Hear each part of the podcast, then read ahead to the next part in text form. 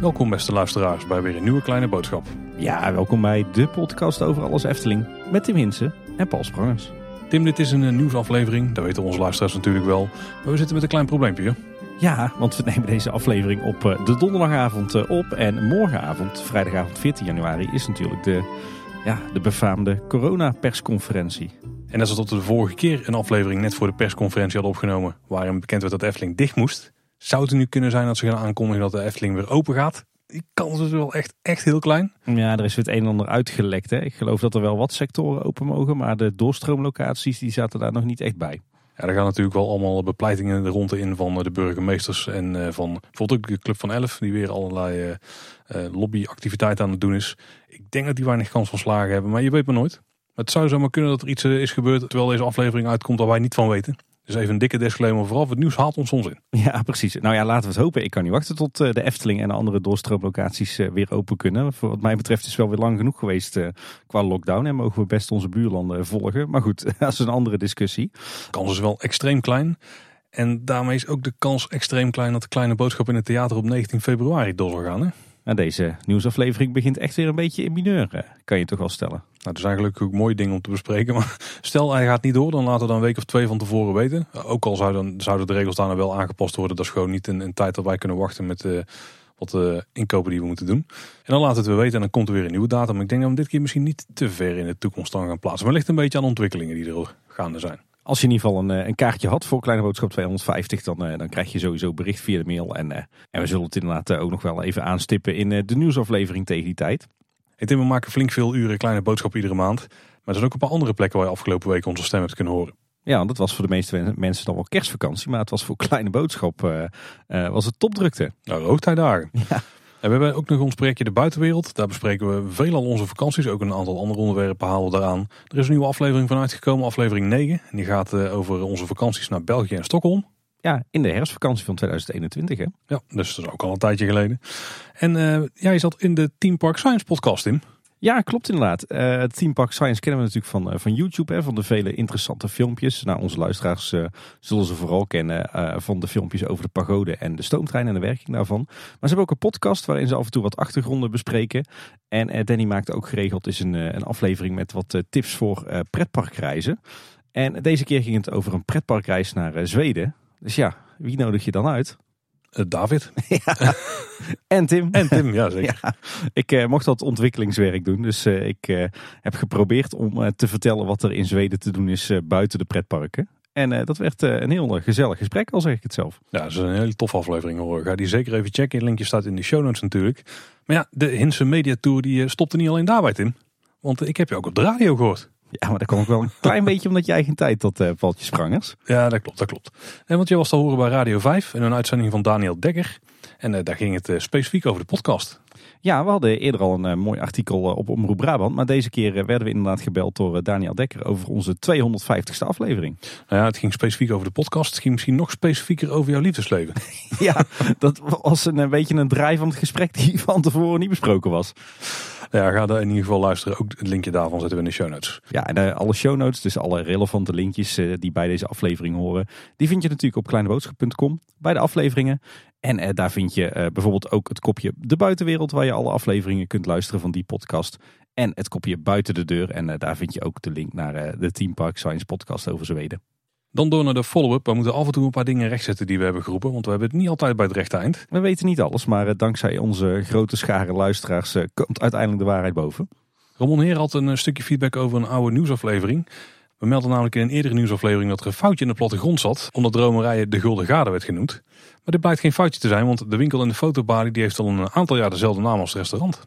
Ik, eh, ik las dat, maar ik, poeh, ik vind het toch moeilijk om dat te geloven. Nooit geregistreerd in mijn hoofd dat dat het geval was. Nee, maar mij weten hadden ze juist uh, bewust de winkel een andere naam gegeven. Als Ramon het zegt, dan moet het wel kloppen. Want Ramon is natuurlijk een van de mensen achter Eftepedia. Ja, en ik denk toch wel de nummer 1 Efteling kennen. Die hebben altijd hun zaakjes goed op orde. Dus we moeten er gewoon vanuit gaan dat het helemaal klopt. Wat ook wat feedback op onze nieuwsaflevering, de vorige, aflevering 252. Ja, we kregen daarin eh, wat, eh, wat cadeautjes en kaartjes van eh, onze luisteraars vanwege onze 250ste aflevering. Waaronder een prachtige aanzichtkaart van luisteraar Frank. Die had zelf een heuse piekprent getekend. Of nou ja, het was natuurlijk geen echte piekprent, maar een tekening van zijn hand. Echt helemaal in de Anton Pieck-stijl. en we kunnen die, die afbeelding inmiddels met jullie delen. Die vinden jullie op onze Twitterfeed en nu dus ook in de show notes bij deze aflevering. Ja, het is echt een prachtig stukje werk wat, wat Frank daar heeft geleverd. Je, je zou echt zeggen dat het een, een, een heuse piekprent is. Met een aantal uh, hele leuke, typische kleine boodschap elementjes erin verstopt. En het grappige is dat hij zelfs nog iets anders van Anton Pieck heeft uh, overgenomen, zag ik later. Weet je wat het is, Paul? Ik uh, zou het zo niet weten. Iets wat echt typisch Pieks is, maar dan moet je goed op zijn tekeningen letten, is als Piek menselijke figuren tekent, heel erg ver in de achtergrond. Ehm, dan wordt het op een gegeven moment te lastig om die helemaal tot in detail uit te tekenen. En dan tekent Piek altijd alleen maar uh, de contouren, contouren en die, die schildert die dan in. Maar daar tekent hij niet meer bijvoorbeeld de ogen en de neus en de mond in. En als je nou kijkt naar de kleine boodschapfiguur op de grammofoonplaatspeler. Oh ja. Dan heeft Frank dat ook gedaan. Zeker ja. Dus Frank is echt een, uh, een kenner en een buitengewoon begaafde tekenaar. Gaat dat zien uh, in onze show notes. Ik kreeg ook een mailtje van Ramon Poels, want we hadden toen over de geldigheidsduur van de vriendentickets. We hadden daarbij verteld dat ze na heropening net zo lang geldig zouden zijn als het aantal dagen dat ze nog geldig zouden zijn voor de sluiting. Dus 13 dagen in dit geval.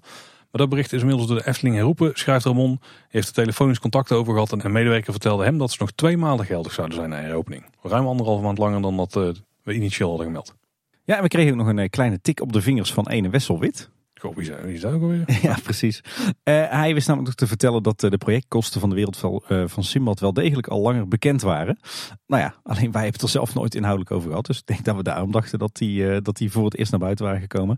En hij kon ook nog vertellen dat niet al het geld van het kerstconcert van de streamers, wat is binnengekomen in de fooiepot, dat het niet allemaal naar UNICEF ging, maar slechts een deel. Want een ander deel ging ook naar de artiesten en organisatie. Oh, dat is dan toch minder. Nou ja, die artiesten hebben ook slechte tijden op dit moment. Hè? Ja, vooral daar zet je artiesten wat daar op het podium stond. Snel door naar het volgende item. En dan door naar de hoofdonderwerpen. Ja, de Efteling is dichters van de wereld van Simbad. Zou je niet heel veel hebben kunnen horen, zou je vermoeden. Maar we hebben ook best wel veel uh, informatie erover gekregen. Waaronder een making-of die uh, tevoorschijn is gekomen. Maar ook wat informatie via loopings. Ik denk dat het tijd is om het eens even allemaal langs te lopen. Ja, want uh, deze week werden we ineens verrast met het derde en laatste deel van de making-of.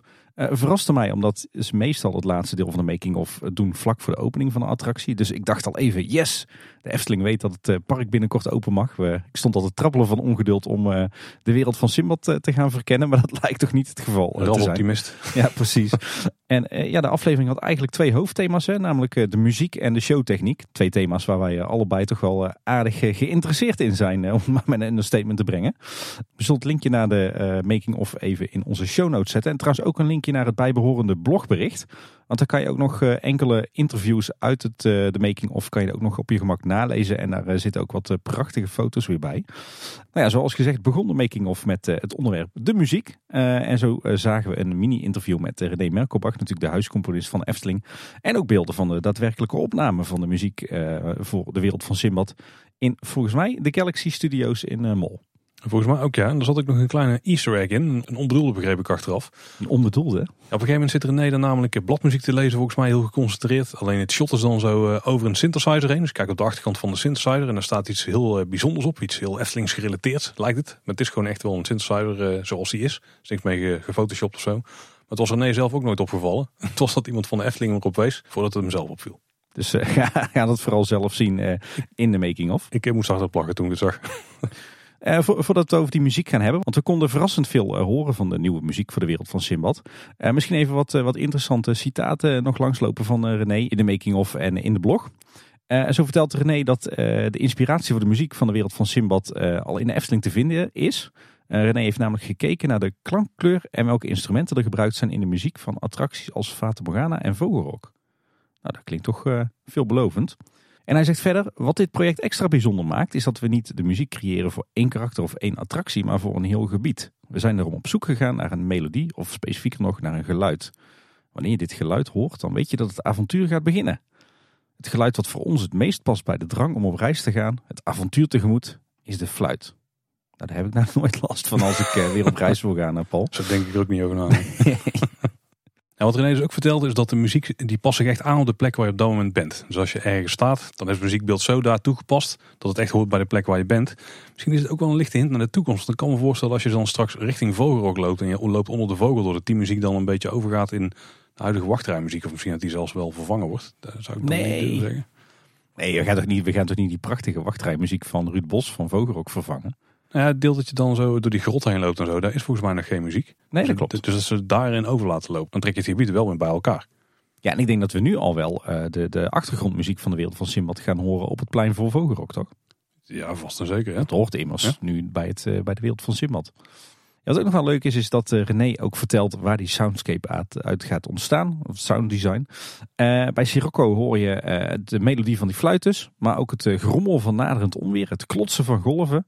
Blikseminslag en het gekraak van handelswaar. En eh, bij Archipel is het een stuk rustiger. Want daar hoor je juist het geluid van kabbelend water van wegvliegende vogels. Die kennen we ook al een beetje uit de Zes Zwanen natuurlijk. En chirpende krekels. En eh, op de paden rondom de attracties of bij eh Vogelrok kan je weer andere geluidjes herkennen. Ik ben benieuwd of we daar de schreeuw van Vogelrok eindelijk eens gaan horen. Op het plein. Hm. Die is namelijk ooit door Ruud Bos nog gecomponeerd, maar nooit gebruikt in het park.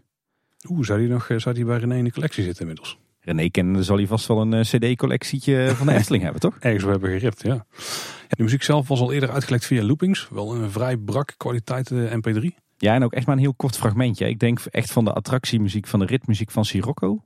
Eh, dat gaf wat mij betreft maar een heel, eh, ja, een heel selectief beeld van die muziek hoor. Nou, niet alleen daar. Ik denk dat het hele delen, of hele frequentiegebieden zeg maar, van, van, het, eh, van de muziek gewoon wegvielen. Ik kan me zeg maar nu, nu we die making-of hebben gezien, veel beter voorstellen hoe het totale muziekbeeld eruit ziet dan alleen op basis van een stukje wat toen op looping stond. Ja, ik moet zeggen dat mijn, mijn gevoel bij de muziek ook al een stuk positiever is op basis van wat ik eh, eh, op de achtergrond van de making-of heb gehoord dan wat er bij loopings te horen was. Ja, bij loopings leek het net, volgens mij hoorde ik het iemand omschrijven als een standaard stukje stokmuziek. Daar, ja. Dat klopt wel, ja. Maar het heeft wel meer gelaagdheid dan alleen dat. Het komt natuurlijk door die Arabische klanken. En dat is ook wel een interessante discussie, denk ik. Want er is zo'n eh, zo'n vrij befaamd citaat van Ton. Dat toen de muziek voor Fata Morgana werd gecomponeerd door Ruud Bos. Dat de eerste versie daarvan, die klonk te oosters. En die klonk te vervreemd voor de, voor de westerse oren, zeg maar. Ik denk dat het tegenwoordig een stuk minder het geval is. Want dit, dit gaat wel heel erg echt naar die oosterse klanken en zo. Dat gebruikt ook... eh, eh, redelijk, en misschien wel bijna cliché eh, melodielijntjes zeg maar, uit die regio. Dus uit, uit, echt uit het Midden-Oosten. Ik denk dat het tegenwoordig wel kan, omdat mensen veel minder wereldvreemd zijn dan dat toen het geval was. En eh, ja, dankzij internet en dankzij eh, de film, documentaires, heel de rambam, weet iedereen veel beter ja, wa- waar bepaalde delen muziek vandaan komen. Is het helemaal niet zo vreemd om het wel op die manier aan te pakken, denk ik. Nee, nee want er, er was heel veel muziek te horen in eh, de making-of. Eh, we zagen ook eh, dat er best wel eh, veel gebruik werd gemaakt van eh, instrumenten uit de Arabische cultuur. Eh, wat natuurlijk ook voor dat eh, hele ja, eh, Midden-Oosterse geluid zorgt. Maar wat vond jij er eigenlijk van, van de muziek, Paul? Wat we er tot nu toe van hebben kunnen horen? Dan moet ik uiteindelijk moet ik me toch baseren op het stukje wat ik bij Loopings heb gehoord. En dan een beetje ingevuld met de flar die we hebben meegekregen uit de making of. Want ook daar hebben we nergens echt het doorlopende stuk gehoord, zeg maar. En dan, ja, dan, dan klinkt het eigenlijk best goed. Ja, ik ben er wel tevreden mee. Ja, ik moet zeggen, ik, eh, ik was ook eh, positief verrast. Eh, het is wel wat jij zegt, het is, het is voor je gevoel best wel... En laat ik zo zeggen, het oppervlakkige stuk, dat is vrij cliché.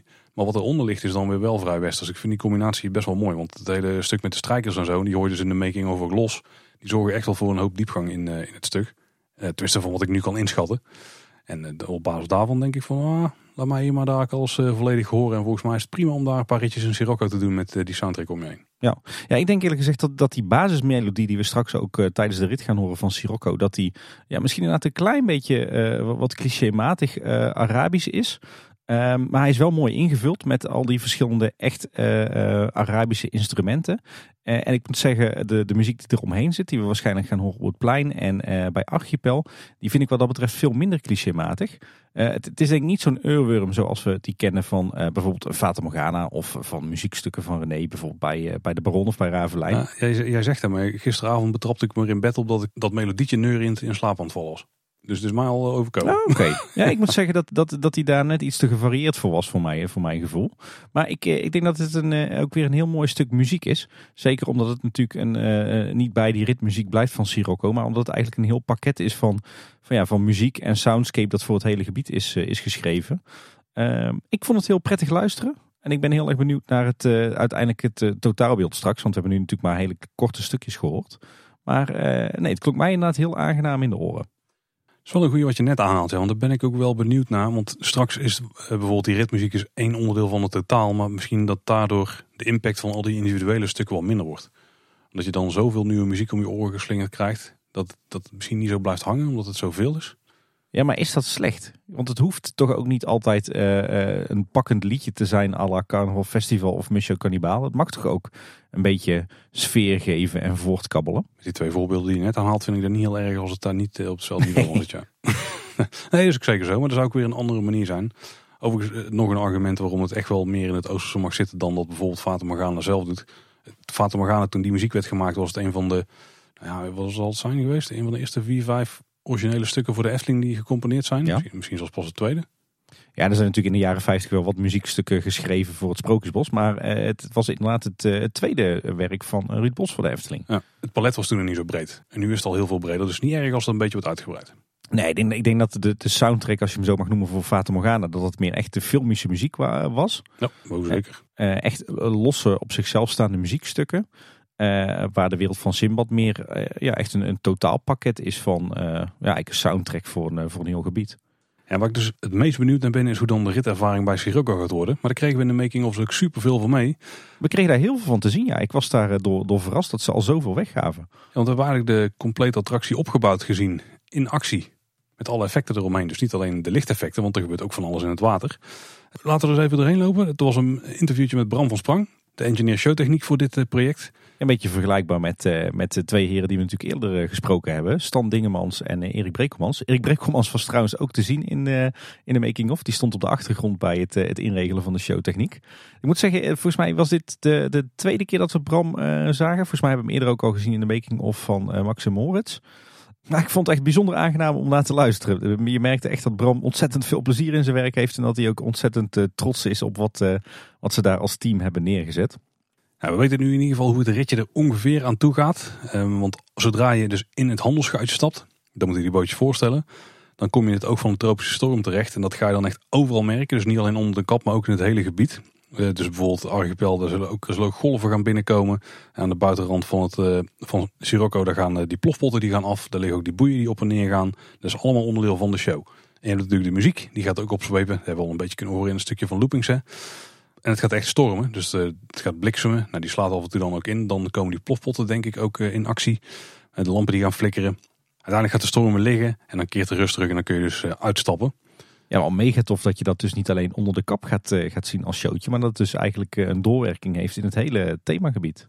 Ja, en ze lijken dus ook wat surround effecten te hebben gebruikt. Een soort Dolby Atmos systeem zit er blijkbaar ook onder. Of in ieder geval, ze hebben het zelf voor elkaar gekregen. Want je gaat blijkbaar de meer ook horen overvliegen. Neem ik aan dat het tussen audio meeuwen zijn. Want de echte die zit ook wel eens bij de Survivor. Zou ja. maar kunnen dat die ook stiekem meedoen. Wat weer uitkijken voor jou, Paul. Oh ja, ja ik ben uh, vaak het doelwit van de meeuwen. Maar ook een hoop beelden die hebben we kunnen zien in de making-of. Nou, het ziet er echt top uit. Het lichtplan, de kleuren die spatten echt daar in het gebied ervan af. Maar het lijkt ook wel heel gepast. Ja, want van tevoren dachten wij toen we de eerste beelden van de tests uh, zagen dat het wel een heel erg bont kleurenpalet uh, zou zijn. Maar dat is nu zeker niet het geval. Hè. Het is wel inderdaad vrij kleurrijk voor Eftelingse begrippen. Maar het, het zijn wel echt die ingetogen pastelachtige uh, Efteling kleuren. Dus het, uh, het zijn zeker niet uh, de Carnaval Festival primaire kleuren. Heel mooi gedaan. Toevallig hadden wij het er thuis over na het zien van de making of. Dat het overdag al een hele toffe attractie wordt in een tof gebied. Maar dat je het eigenlijk vooral s'avonds moet zien. Want ja, dat lichtplan dat voegt zo ontzettend veel toe aan de sfeer daar in dat gebied. Ja, en het mooie is natuurlijk dat in het donker die lichteffecten onder die kap nog extra tot terecht komen. Ja. Dus ik denk dat dit misschien wel een van de leukere avondattracties gaat worden. Dit wordt een must-do in het donker, ja. Zeker. Ik vond trouwens ook wel tof dat we, dat we de attractie daadwerkelijk in werking eh, konden zien. Hè? Want er waren niet alleen beelden in die making of van het, het inregelen van alle showtechniek. Maar de attractie werd ook daadwerkelijk eh, getest. We zagen zelfs wat beelden van het, uh, van het bedieningspaneel. Um, ook mooi om uh, de animatronic van de, de handelaar boven in de nok een beetje op en neer te zien zwaaien. Iets wat ik me nog afvroeg. Ik, misschien zie ik dingen die er niet zijn. Maar het leek er voor mijn gevoel op alsof de attractie naarmate de show vordert steeds sneller gaat draaien. Afhankelijk van, uh, van hoe uh, zwaar de storm is. Dat is me niet per se opgevallen. Ja, misschien beeld ik het me in, maar het zou natuurlijk wel een heel vet, vet effect zijn. Als de bootjes ook nog eens sneller gaan draaien naarmate de storm heviger wordt. Ik weet niet eens of dat het attractietype het wel kan. Ja, met nieuwe motoren kan alles natuurlijk. Ja, je hangt er een nieuwe motor erin, frequentieregelaar erachter. En volgens mij kan je ermee doen wat je wilt toch, qua snelheid. Ja, ja in theorie wel. En mij zijn ook nog wel een paar dingen opgevallen. Uh, zo hebben die, de wachtrij, daar, daar zit vrij fel gekleurd doek overheen leek het. Mhm. Tijdens een paar interviews kun je volgens mij daar een rand van zien. Het lijkt een beetje een satijnen doek te zijn. Ook met zo'n gouden afgestikte rand. Ja. Vrij, vrij chic. Zeker ja. En onderhoudsgevoelig. Ja, ik ben benieuwd hoe dat gaat doen in de regen. En als daar allerlei groene smurrie en zo opkomt.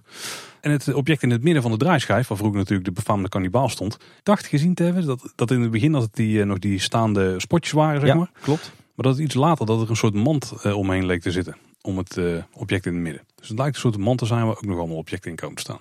Ja, wat mij nog opviel is dat, uh, dat Simbad zijn sterrenkijker nog niet uh, in de hand had. Oh ja. En ook dat de koopman niet meer dankt dat hij niet met zijn arm lijkt te bewegen. Wat we wel vermoeden vanwege de elastiekverbindingen die erin zaten. Ja, die zwengelt echt vooral aan, uh, aan zijn touwladdertje. Ja, het kan zijn dat die arm een beetje mee beweegt. Gewoon omdat die pop beweegt. Maar het ziet er wel vet uit hoor. En zeker omdat je er omheen draait is het best wel een, actievol geheel. En allerlei touwen bewegen ook nog in de nok en zo. En een paar van die schalen die slingeren volgens mij op en neer.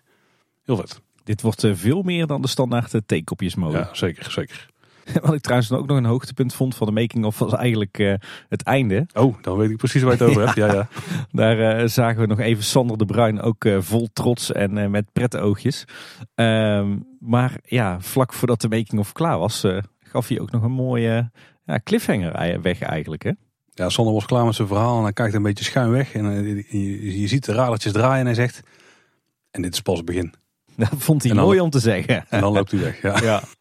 Ja, ik zeg uh, jongens, boter bij de vis. Kom maar op met uh, de tekeningen voor fase 2. Oh ja, die mogen al snel komen wat mij betreft. Als ik zie hoe het er nu uitziet, uh, zowel esthetisch qua decor, qua landscaping, maar nu ook qua, qua verlichting en qua show. Ja, dit is, dit is echt ook weer... ik geef hem bijna al weg. Ik durf wel bijna de dikke 10 te geven. Je bent er al heel snel bij. Nou, laten we dan nog even afwachten. Maar ik ben heel benieuwd. En kinderen zeiden ook, oh papa, als hij open gaan we meteen erin hè. Dat lijkt me een heel goed plan, dames. Hey, we weten natuurlijk niet wanneer de wereld van Simbad open gaat. We weten wel dat de wereld van Simbad open gaat als de Efteling weer open gaat. Ja, daar hadden we de vorige keer wat twijfels over. Zou die nou meteen openen zodra het, uh, het park opent?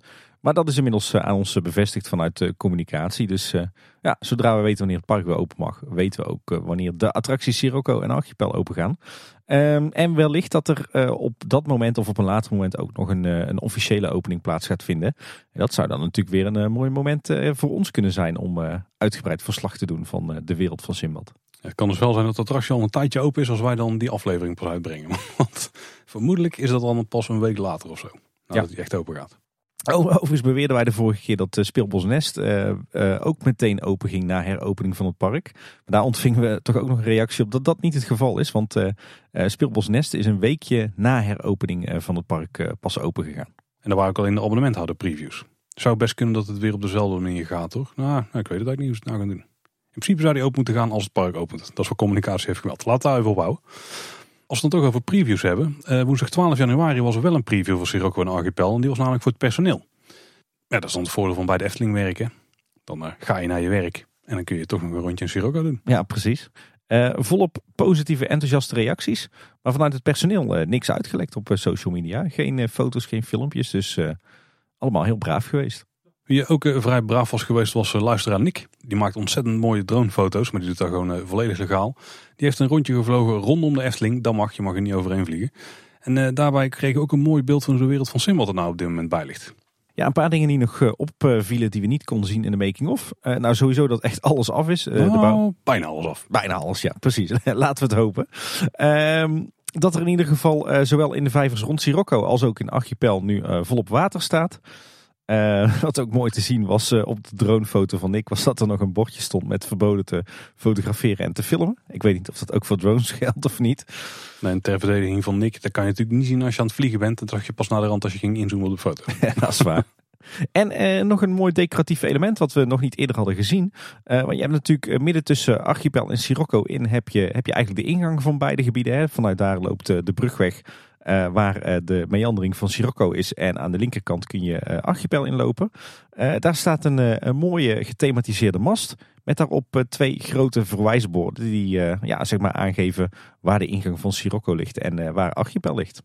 En achter Sirocco ligt natuurlijk het pad naar de speelweide, naar die dienstpoort die daar staat. Die is nog gewoon gehandhaafd. Als we de tekening moeten geloven, is dit dus een deel waar in fase 2 dat, ja, dat avonturenpad komt, zeg maar. Ja, dat loopt zeg maar achter Sirocco en Archipel langs. En ja, dat gebied is nu volledig aangeplant en afgezet met, met van die schapenhekken. dus dat, dat blijft nog even groen. Ook terug trouwens het podium van Jokin Jet. Die staat ongeveer op de oude plek. Ja, verrassend. Want het podium van Jokin Jet is eigenlijk sinds het begin van de coronacrisis verhuisd naar het, het opslagtermijn van het logistiek evenementenmagazijn. Dus uh, ja, best wel verrassend dat hij nu toch is teruggekeerd. Wil zeggen dat na heropening ze toch van plan zijn om weer Jokin Jet shows te geven op de oude vertrouwde plek. Ja, dat wachten ze die misschien al hadden verplaatst naar de plek waar het podium ingetekend stond. Of in ieder geval een soort van uh, halve ronde cirkel waar perfect een podium in zou passen. Dan sta je met je rug naar de wereld van uh, Simbad toe. Ja, maar dat wordt fase 2 hè? Wat we ook nog zagen is dat het, uh, het, uh, het oude bamboehutje uit het uh, avonturendolf, wat is, is hergebruikt in Archipel, dat die helemaal mooi in het groen is ingeplant. Zag er heel fraai uit. Maar ook wel iets zorgwekkends, Paul. Ja, we missen de Animatronic. Ja. En nog een, een andere figuur wat daar zou moeten verschijnen. Ja, inderdaad. Want er is volgens mij vanuit de Efteling toch ook bevestigd dat er drie figuren in de wereld van Simbad zouden verschijnen. Drie menselijke figuren, ja. Ja. Simbad zelf, de, de handelaar en de paalvisser. En de paalvisser die, die zien we dus nog niet zitten op de foto's. En de zilverreiger, ja, die is natuurlijk vrij klein. Of zilverreigers zou het misschien zelfs worden. Die uh, zien we nog niet. Maar die kunnen later natuurlijk makkelijk bijgeplaatst worden. En zeker die paalvisser, die is niet super essentieel voor het openen van het gebied. Maar ik hoop toch wel dat die gaat verschijnen. Dat is wel een heel tof detail. Nou ja, detail. een flink detail. Ja, laten we het inderdaad hopen dat die niet zijn wegbezuinigd of zo. De droomfoto die geeft een mooi totaalbeeld van de attractie uh, Sirocco en Archipel. We hebben ook nog wat detailfoto's gezien, onder andere dus dankzij de making-of. Maar ook door uh, wat beelden die waren gelekt tijdens het opnemen van de officiële onride. Ja, zouden we die onride maar kunnen zien hè? Die mogen ze maar heel snel op YouTube kanaal. Ja. ja. we zien daarin het eindresultaat van, uh, van de boot waar Simbad op staat. Prachtig gedetailleerd natuurlijk. hangt inmiddels ook een groot zeil in. Dat is niet zomaar een zeil. Daar vinden we ook een mooie donkerrode cirkel op met daarin ja, een heel bijzonder patroon. Ja, ik weet niet precies wat het is. Misschien een soort bijna familiewapen of zo. Ja, dat moeten we tegen de tijd dat het open kan uh, is uh, tot in detail gaan bekijken. Uh, nog meer nieuws over zeiltjes. Want de, de, de bootjes op de draaischijf van de attractie zelf, die hebben inmiddels ook zeilen gekregen. Die hingen eerst naar beneden, maar die zijn nu opgeknoopt boven in de mast. Wellicht dat het beter is voor het, het zicht op de show die zich natuurlijk afspeelt onder de kap. En we zagen nog een, een nieuw bordje. Uh, niet zozeer naar Archipel of naar Sirocco. Maar uh, een prachtig, best wel groot verwijsbord. Uh, wat aankondigt dat je de wereld van Simbad binnenloopt. En dat had echt een mooi Oosters uiterlijk. Maar het voelde op de een of andere manier ook een beetje. Ja, echt als een oud Eftelingsbord aan. Het zou me niet verbazen als daar weer inspiratie is gebruikt van een bestaand bordje. Of misschien een klassiek bordje. En natuurlijk eigen productie bij de afdeling decoratie. Oh ja, zeker. Ja. Ja, en dan tot slot nog een, een zorgwekkend nieuwtje. Want uh, de Efteling staat er natuurlijk onbekend dat ze uh, zoveel mogelijk dingen die uit het park verdwijnen wel bewaren. bijvoorbeeld voor in het Efteling Museum. Uh, en zo blijven er ook toch nog aardig wat elementen van het oude Monsieur Cannibal bewaard. Uh, zo staan er een aantal kookpotten achter Café de Efteling, het, het honk voor Efteling personeel. wij hebben zelf gezien dat het beeld van de kannibaal, het gevraagde beeld, dat het veilig in de hal van het Gildenhuis staat opgeslagen. Maar ik zag nu dat op het, het opslagterrein van het logistiek evenementenmagazijn, dat daar nu een heleboel andere overblijfselen van Monsieur Cannibal in de container gekieperd zijn. Hm. Dus die gaan waarschijnlijk richting de vuilstort. Ja, we weten dat ze ze niet graag verkopen. En ze zullen misschien ook niet in de beste staat zijn. Nou, het ging onder meer over, om de decoratie die op het, bovenop het ingangsbord stond. Misschien een keertje in het weekend met de schub de spinderup op. dat is ook altijd een optie. Hey Tim, er is nog een ander groot bouwproject gestart. Ja, yes. Nou, sowieso yes, want volgens mij zijn dit uh, voor iemand punten voor de glazen bol. Ik denk voor mij, ik weet het niet zeker. Maar op het uh, tweede parkeerterrein van de Efteling, en dan specifiek op vak M daarvan, daar is uh, volop activiteit. Ja, er is een groot bouwproject gestart. zonder dat daar eigenlijk echt aandacht aan is geschonken door de Efteling tot op heden. Maar goed, dan, dan doen wij dat gewoon. Want op vak M is gestart met de bouw van carports boven de parkeerplaatsen. En op die carports komen zonnepanelen die de Efteling van energie gaan voorzien. Um, we hebben al aardig wat werkzaamheden gezien de afgelopen dagen. We hebben het ook even bij de Efteling nagevraagd. En die heeft inmiddels bevestigd dat die werkzaamheden inderdaad plaatsvinden voor de bouw van die uh, carports. Nou, uh, wat is er onder meer te zien? Er is een lange rij bouwhekken geplaatst uh, tussen enerzijds vak K en L. die waarschijnlijk gewoon in gebruik zullen blijven voor de Efteling. En vak M, waar die werkzaamheden op gaan plaatsvinden. Jammer genoeg niet die mooie gethematiseerde bouwhekken, of althans met die mooie gethematiseerde doeken en, en staanders, zoals we die altijd in de Efteling zien. Maar echt zo'n zo'n rij van die nou, oud ijzeren hekken, zeg maar. Maar goed, eh, op een parkeerterrein, uh, een zou ik zeggen. En verder is er een klein ketenpark geplaatst van bouwketen en toiletten achter in de hoek op vak M. dat grenst aan het parkeerterrein van Bosrijk. Vandaag werden er ook nog een aantal van die bouwtoezichtcamera's geleverd die daar de boel in de gaten houden. en we zien al een aantal dagen de eerste graafwerkzaamheden. die vinden plaats in de puinverharding. Er worden een aantal gaten gegraven. En ik vermoed dat ze daar eh, de betonnen voetjes van eh, die carports gaan, eh, gaan maken. Misschien prefab, misschien gestort. En Paul, even jouw kennis van de kleine boodschap bingo kaart testen. Hoe noemen we die betonnen voetjes ook alweer? Poeren. Juist. Ding, ding, ding. Ik ben wel benieuwd wat voor carports nou gaan worden. Want we hebben hier geen enkele impressie van gezien. Het zou gewoon super, ja, bijna industrieterreinachtige vierkante stalen kolommen kunnen zijn. Met daarop uh, schuinliggende zonnepanelen waar je auto onder kunt zetten. Maar ja, we hebben ook beide gezien dat het dus bij Paradisa of Peride, Paradisa. Uh, houd maar inderdaad op Paradisa, ja. Dat het ook met houten constructies kan. Is ook wel chic, hè? Dat is misschien ook niet helemaal des Eftelings, bijna meer klassiek, maar... Ja, ja en ik geloof het parkeerterrein van Disneyland Parijs hebben ze, zijn ze toch wel mooi op kleur gemaakt. Met ook wat, uh, wat mooie decoratie. Of uh, doe ik het dan uh, mooier voor dan het werkelijk is? Ik heb eerlijk gezegd geen idee. we hebben het hier al eens vaker over gehad. Ik denk dat het een stalen frame helemaal niet zo Efteling vreemd is. Ik bedoel, kijk bijvoorbeeld naar de eh, de stoomtrein, de wagons daarvan, dat is in principe ook van dat soort staal. Maar er zitten nog wel Estlingse krullen bij. Ik weet niet of iemand hebben die heel veel van die krullen wil ja, smeden, buigen. Want dat zou heel tof zijn als ze daarmee zijn afgewerkt. En dan ook nog mooi in uh, ja, pieksblauw met pieksgeel. Ja, heel goed, Paul. Ja, het, kan, weet je, het kan alle kanten op gaan. Dit is wat jij zegt, we hebben natuurlijk helemaal, helemaal geen tekeningen van gezien. Kijk, in het slechtste geval worden het gewoon van die, uh, van die uh, ijzeren haarbalken die verzinkt zijn. Allemaal RVS, ja. ja precies. Met, met bovenop gewoon een paar regeltjes of, of U-profielen met daarop die zonnepanelen. Als ze voor de budgetvariant gaan, dan is dat wat we krijgen. Maar het zou inderdaad prachtig zijn als we hier op zijn minst geval een staalconstructie krijgen die op kleur is gemaakt. En dan liefst natuurlijk een Eftelingse kleur. Met inderdaad, ja, of er, uh, eruit wat krullen. Of uh, nou ja, op zijn minst een schildering op van wat krullen. Misschien wat, wat klinknageltjes erop geplakt. Eigenlijk een beetje zoals de buitenwachtrij van Symbolica eruit ziet. Hè? Ja, ja, die zal misschien nog zo overdadig zou het nog niet eens per se hoeven. Maar ik snap wat je bedoelt, ja. Als het inderdaad op zijn minst metaal op kleur is met daar wat krulpatronen op, dan ben ik al gauw blij.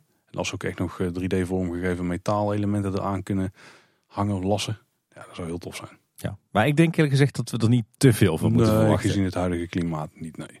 En dan bedoel ik vooral het financiële klimaat natuurlijk. Want die carports met die zonnepanelen die zijn juist heel erg klimaatrobuust natuurlijk. En duurzaam. Ja.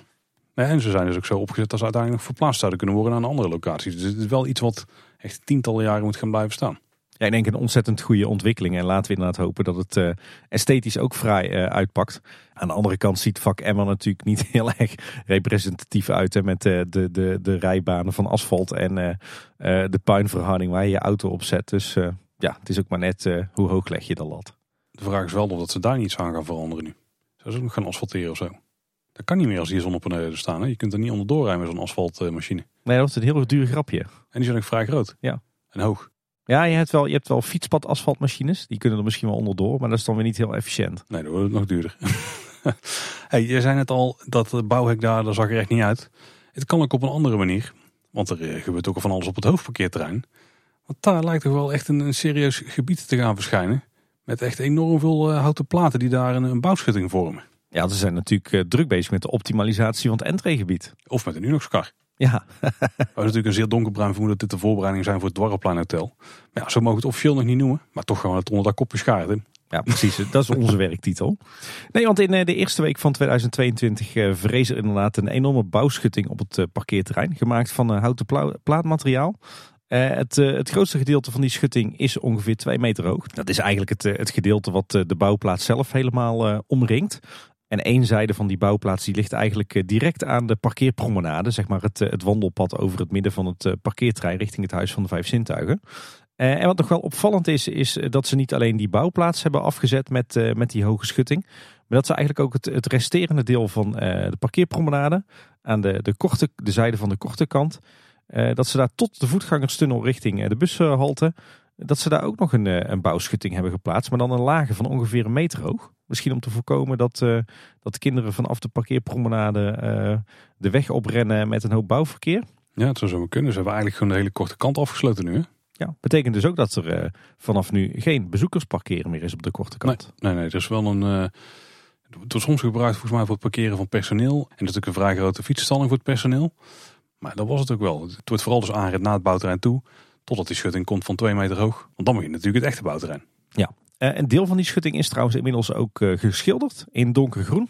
Ja, je zou Go Away Green misschien wel kunnen noemen. Het, het is wel een beetje donkergroen, maar ook de, de, afvalbakken, de standaard afvalbakken mee zijn geschilderd. Ja. Het is niet helemaal Disney Go Away Green. Maar... nee, het is uh, absoluut fraaier dan gewoon kale houten platen. Maar het zou natuurlijk wel mooi zijn als we hier ook nog wat, wat concept art op gaan zien of wat, wat krullen.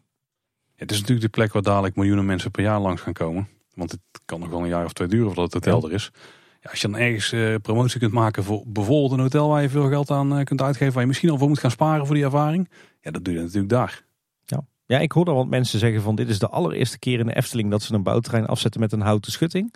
Volgens mij valt dat wel mee, want volgens mij is dat wel vaker gebeurd. Ik kan me bijvoorbeeld herinneren bij de bouw van het, de nieuwe Smulpap en het nieuwe Anton Pieckplein dat er een houten schutting was. Zelfs eentje met, met daarin kijkgaten waardoor je naar het bouwterrein kon kijken. Volgens mij heeft er bij de Vliegende Hollander ook zo'n houten bouwschutting gestaan op kleur. En volgens mij zelfs bij, bij bouwprojecten lang geleden, bij het Lavelaar, bij Villa Volta, werden altijd wel van die, die speciale houten bouwschuttingen in elkaar geschroefd. Weet je wat ze tegenwoordig vaak doen? Dan hebben ze dus die, uh, die verplaatsbare bouwschuttingen met die bouwzuilen eromheen. Ja, gewoon bouwhekken. zo zou je zo kunnen noemen inderdaad. Maar het voordeel daarvan is natuurlijk dat je je bouwterrein, het oppervlakte ervan een beetje flexibel kunt houden. Dus je kunt het laten groeien als je met grondwerk bezig bent. En je kunt het laten inkrimpen um, zodra je meer naar het einde van het project komt. Als je vooral nog binnen bezig bent. Dat zagen we bij Bekkerij Krumel natuurlijk ook en ook bij Max Moritz. Maar daar hoeft hij dus blijkbaar niet. Want ze gaan het hele gebied daar, ja, dat hebben ze gewoon nodig. Continu. Ja, het heeft natuurlijk ook weinig zin om een, om een heel kort stukje van de korte kant ineens uh, weer uit de ja. te halen. Ja, in de zomer uh, ga je dat stukje misschien wel missen hoor. Dan ga je mensen wel sneller naar uh, KLM sturen. Ja, ik denk dat het sowieso gaat gebeuren. En het is nu natuurlijk wel spannend, want nu mis je ook vak M. Dus je hebt en geen korte kant en vak M niet. Ja, het zou me niet verbazen als die werkzaamheden aan de vak M dat die zijn afgerond hoor, tegen de zomer. Zoals het echt nodig is. Oh ja, dat sowieso. Ik verwacht niet dat het daar langer dan, dan een maand of drie gaat duren. Dat is wel mooi voor Pasen, dus dat, is, nou, dat komt er goed uit dan. Strakke planning. Die hebben ze sowieso al bij de Efteling. misschien voor de volledigheid. Die schutting die loopt dus langs de hele korte kant. Die loopt echt tot aan het hek voor het Huis van de Vijf Zintuigen. Maar hij loopt daarna ook voor een deel door over het voorplein van het Huis van de Vijf Zintuigen. En hij buigt een beetje af richting het honderkennel. Dus het lijkt echt heel sterk op dat dat dadelijk meteen uh, onder handen wordt genomen. Ja, we kunnen natuurlijk niet precies zien vanaf een afstandje. Want ik merk dat het af en toe best lastig is om het perspectief goed in te schatten als je op de Kinkerpolder staat en uh, je wil kijken waar een schutting of een hek staat. Uh, maar het lijkt er inderdaad op dat, dat die hoek met de facilitaire gebouwen, de, de, de toiletgroep, de hondenkennel, de wandelwagens, dat die ook al binnen het bouwterrein valt. En er is ook een soort ingang van het bouwterrein. Dat ligt dus niet aan de rijstrook van de korte kan, ligt eigenlijk een beetje ja, links daarvan, zeg maar, als je er op af zou lopen. Dus op het, op het oude parkeerterrein. Er zijn ook een hoop van die palen uitgetrokken, zodat je daar gewoon vrij kunt rijden. Er zit ook een portiersloge bij, soms tijdelijk transporteerbare unit. Ja, en ook het, het ketenpark op het bouwterrein, het ketenpark van de Efteling zelf, die kenmerkende groene keten, is nu helemaal klaar. Dat is een uh, flinke unit, zoals jij zou zeggen, Paul, van, van twee verdiepingen. Dus er gaat een flinke projectorganisatie van de Efteling zitten, want ik neem aan dat de Efteling weer zelf de hoofdaannemer is. Iets anders opvallends trouwens, hè, want we hadden het net over, over al die schuttingen. er viel mij van de week op dat er ineens ook een hoop gewone bouwhekken zijn geplaatst, maar dan op de lange kant van het parkeerterrein. In het, ja, een beetje in het gebied tegen het voorplein van het Huis van de Vijf Zintuigen aan. Zeg maar naar dat hoekje met de minder valide parkeerplaatsen en de parkeerplaats voor elektrische auto's. En ik kon het moeilijk zien vanaf een afstandje, maar het lijkt erop dat, dat Gubbels, de, de grondaannemer van de Efteling, dat hij daar ook echt flink aan het graven is. Zou dat misschien zijn om die elektriciteitsleidingen richting de zonnepanelen aan te leggen? Ja, dat. Of misschien is het wel voor nutsvoorzieningen, bijvoorbeeld voor het, het nieuwe facilitaire gebouw, wat we hier ergens op het parkeerterrein gaan krijgen. Ja, ja, die stond zo vreemd ingetekend. Hè? Nou, dat is nog steeds voor in de plek. Aan de linkerkant van de parkeerpromenade zou het nou kunnen, want dat gebouw stond ongeveer ingetekend op de, ja, de hoek van het bouwterrein eigenlijk, hè? wat daar zit. Ja. Aan de andere kant was het alleen nog steeds op de uitrijstrook. Dat lijkt me vrij onwaarschijnlijk. Ja, ik vind het lastig om, om in te schatten wat ze hier nou aan het, uh, aan het doen zijn. Maar we houden het natuurlijk in de gaten als we rondjes rondom de Efteling uh, fietsen, want dat is de enige manier waarop we dit kunnen checken, Tim. Dat is denk ik voor ons beiden, wat zeg ik, voor ons hele redactieteam eh, tegenwoordig een eh, dagelijkse bezigheid. Nou, dagelijks niet, maar we komen er regelmatig. Trouwens, nog een interessant ding wat ons eh, was opgevallen. Iemand van de communicatieafdeling die stelde een vraag op LinkedIn over hoe een, eh, ja, een bepaald online event georganiseerd kan worden. Zou voor ongeveer eh, 3000 mensen een livestream moeten zijn, waarbij een geïnterviewde was en mensen die geïnterviewd werden.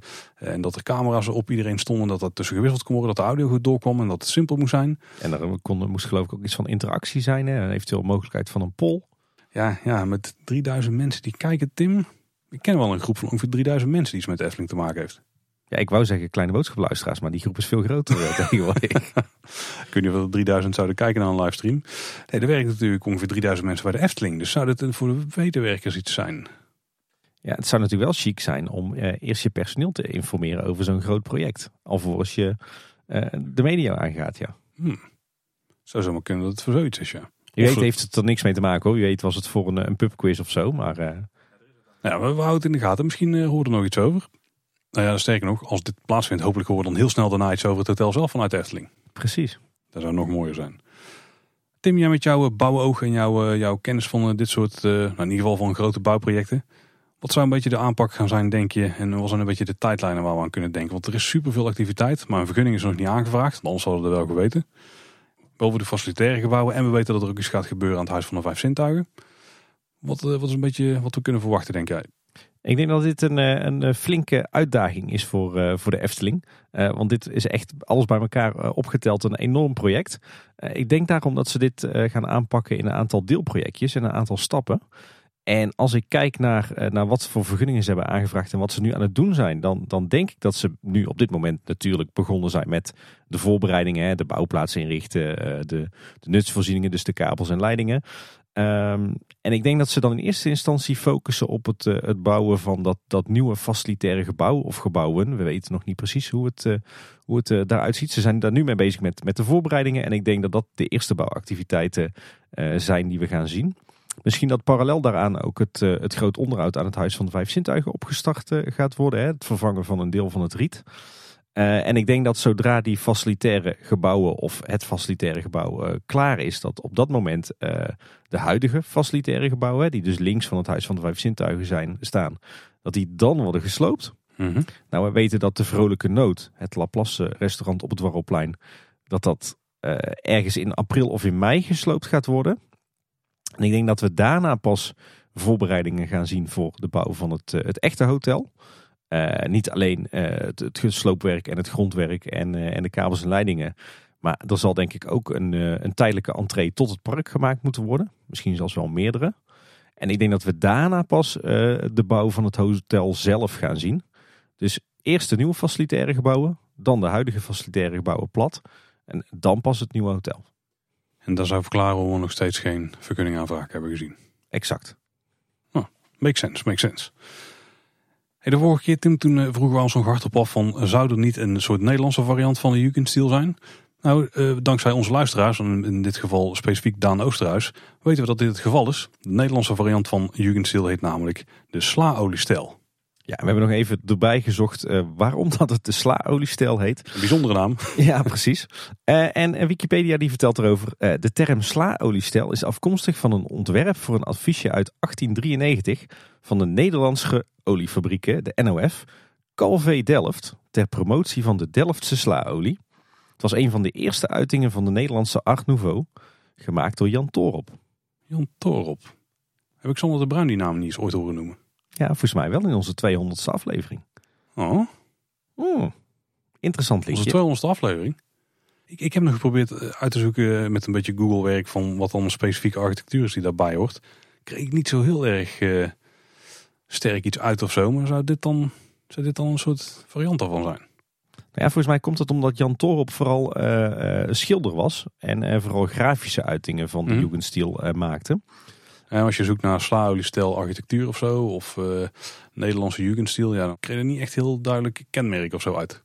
Ja, daarom vermoed ik dat hij dat die vooral juist op het grafische gebied lag. Oké, dus kunnen we dat soort afbeeldingen misschien verwachten ook in en rondom het gebouw? Laten we het alsjeblieft hopen. Ja, zou tof zijn. We hadden daar trouwens van de week nog wel een interessante eh, discussie over bij ons in de redactie. Eh, want we hebben nu natuurlijk een aantal tekeningen gezien van het, ik wou bijna zeggen van het Slaoliehotel. Zo kunnen we het nu natuurlijk wel noemen. Ehm, welke stijl is dit nou? En er werd eigenlijk uh, toen die tekeningen uitlekten door iedereen gezegd van, uh, van uh, oh, dit is de Jugendstil hè, of Art Nouveau. Dat is natuurlijk redelijk vergelijkbaar. Um, maar ik heb eens wat, wat boeken uit de kast gepakt, wat architectuurboeken. En ehm, ik vind dat toch lastig. De vorige keer zeiden we ook al van voor een gebouw in de Jugendstil of de Art Nouveau is het eigenlijk ook heel erg sober uitgevoerd. weinig decoratie. En ik heb er eens wat, wat architectuurstijlen bij gezocht. En uh, het, het zou inderdaad een hele sobere uiting van de Jugendstil kunnen zijn. Maar wat er veel meer bij past, is de architectuurstijl het eclecticisme.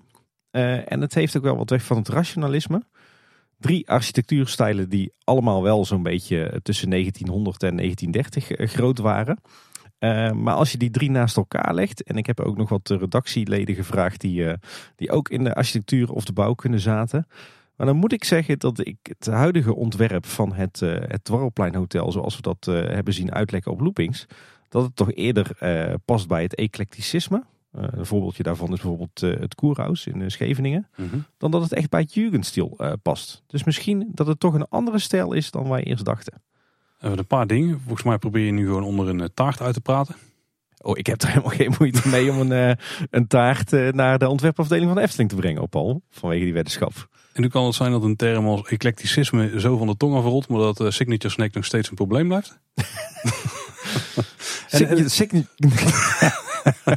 ik uh, doe eclecticisme, dat is uh, meer mijn ding, zullen we maar zeggen.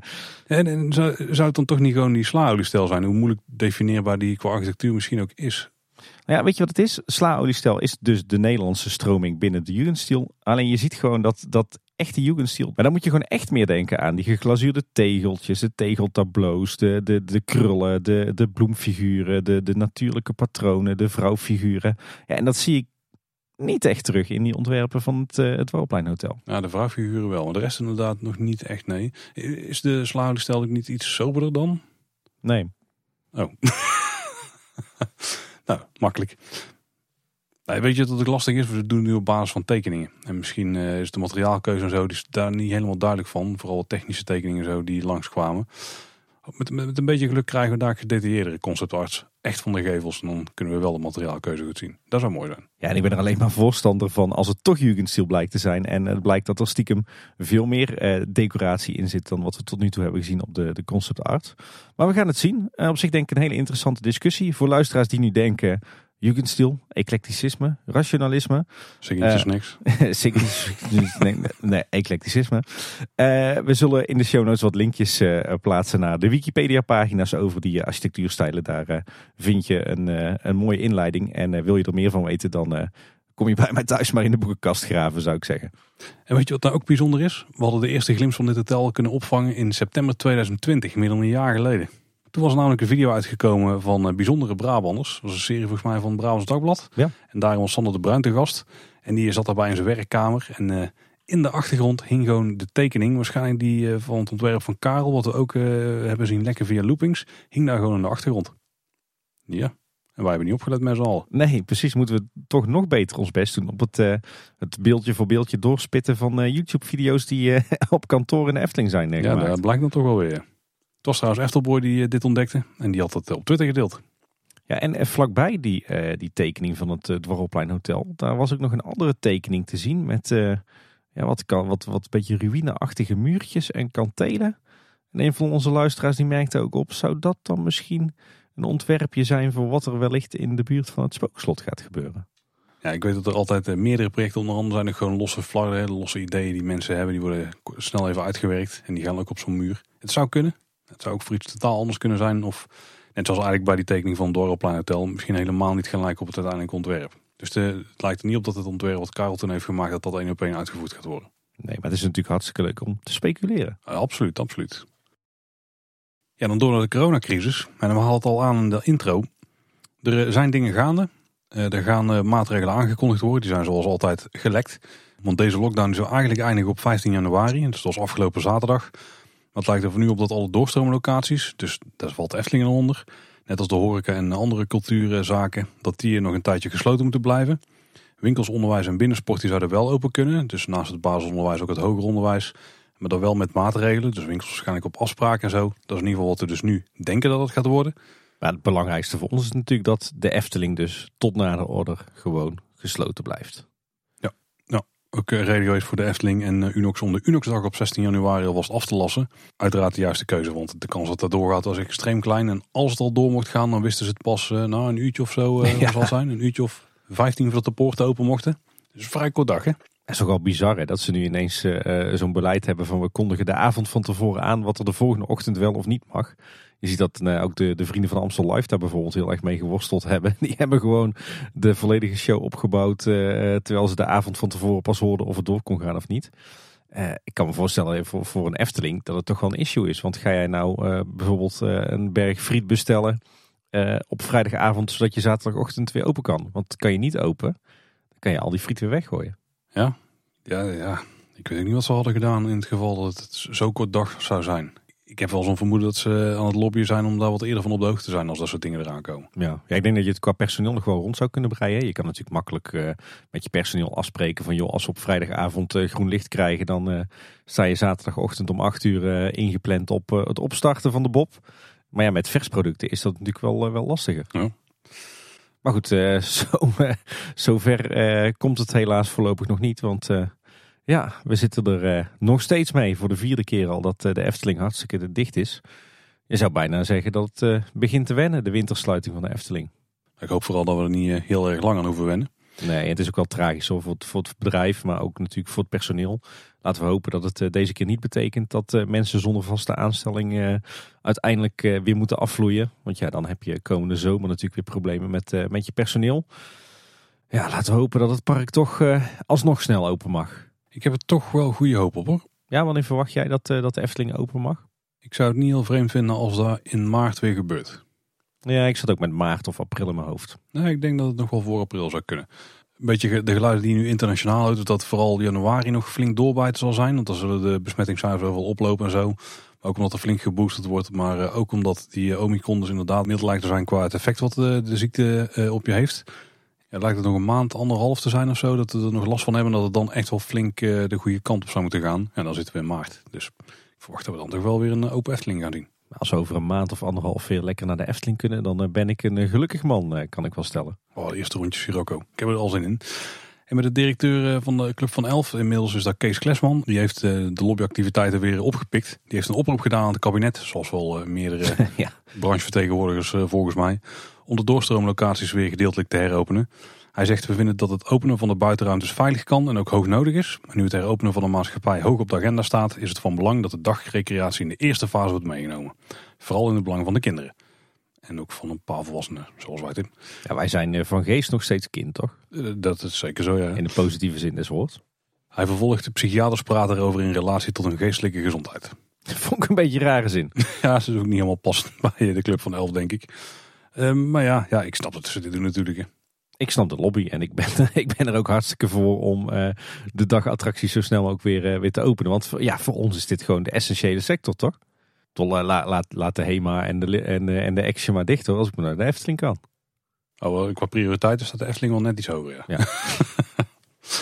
Ja, maar ja, hoe nu verder? Want de Efteling heeft in eerste instantie bijvoorbeeld de winter Efteling niet afgebroken. Maar nu de sluiting nog op zijn minst een paar weken langer lijkt te gaan duren, ja, dan heeft die winter Efteling niet zo heel veel zin meer om te laten staan. Nee, de winter Efteling zou tot 6 februari duren. Nou ja, de, hoop was natuurlijk dat de Efteling 15 januari weer open kon.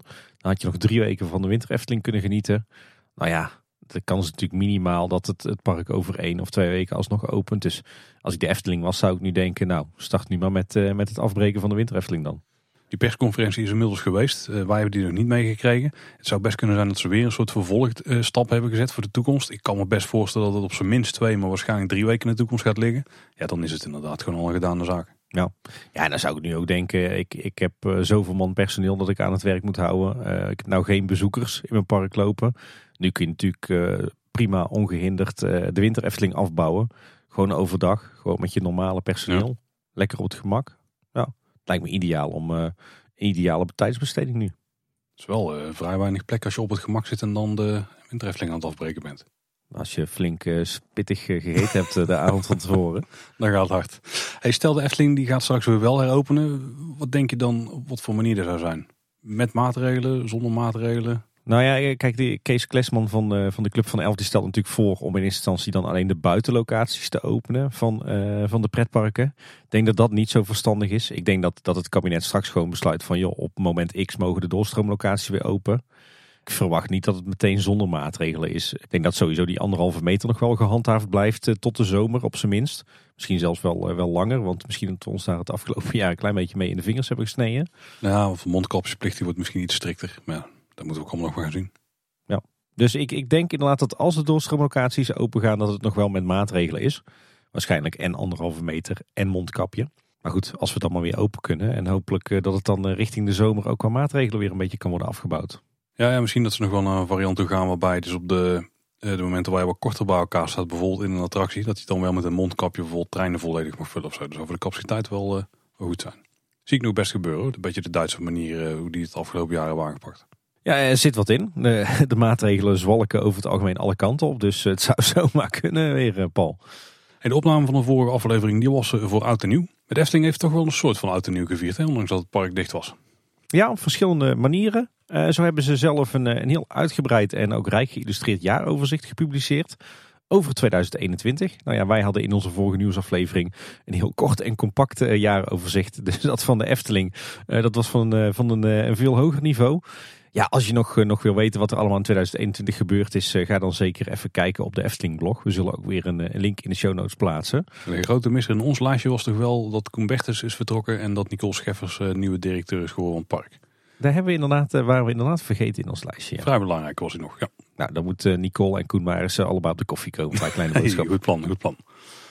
Maar er was ook een, een, terugblik van Fons, die had hij zelf op LinkedIn geplaatst. Oh, ze had nog wel een, een, wit regeltje of drie tussen gemogen Fons, tip was erg openhartig. Ja, hij stelde zich voor, uh, voor, voor zijn doen vrij kwetsbaar op, vond ik. ik vond overigens ook de, terugblik het jaaroverzicht op het blog, dat hij ook nog, ja, die ging niet voorbij aan al het slecht nieuws wat er ook gewoon was.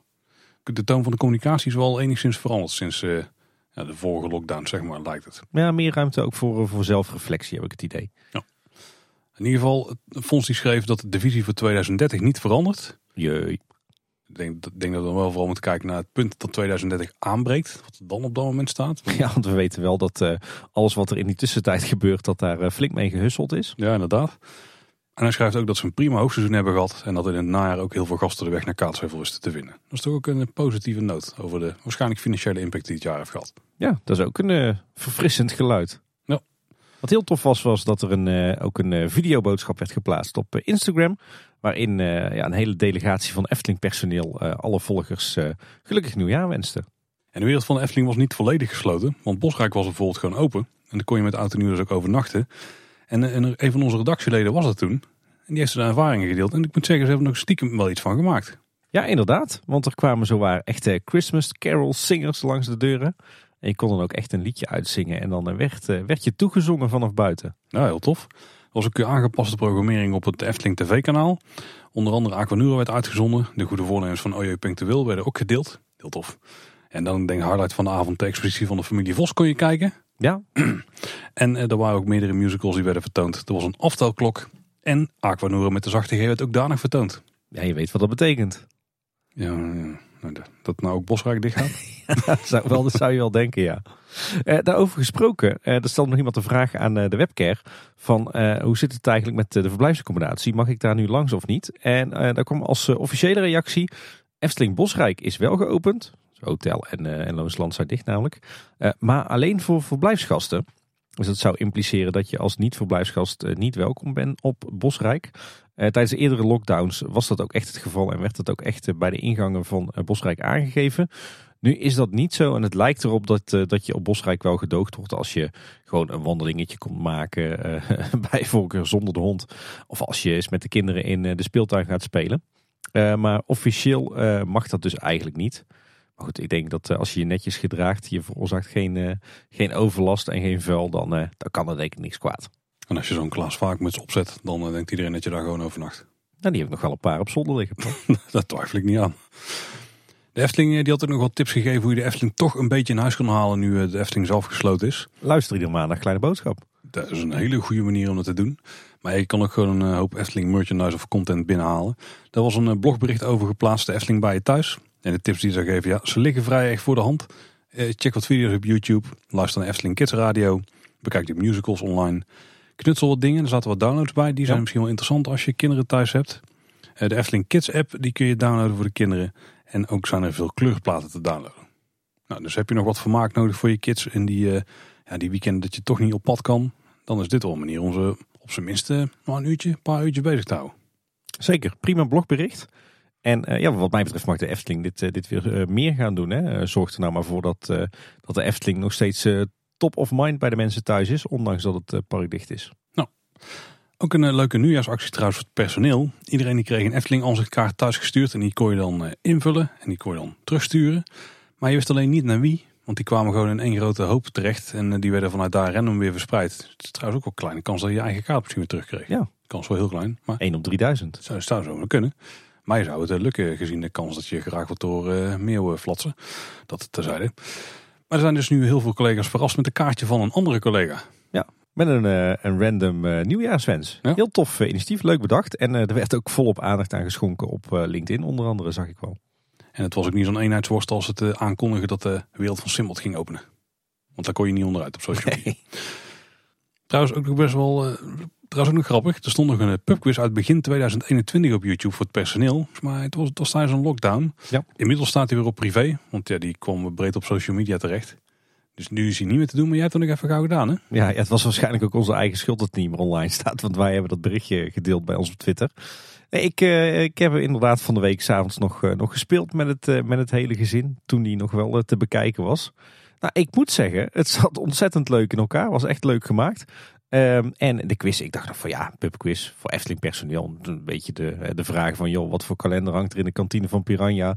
En wat is de hobby van, eh, van Kees eh, uit de Fata Morgana? Maar dat was dus helemaal niet. Het was echt verrassend inhoudelijk. En ik moet zeggen dat het best wel een pittige pubquiz was nog hoor. Had je een, eh, een score of zo die je kon uitrekenen?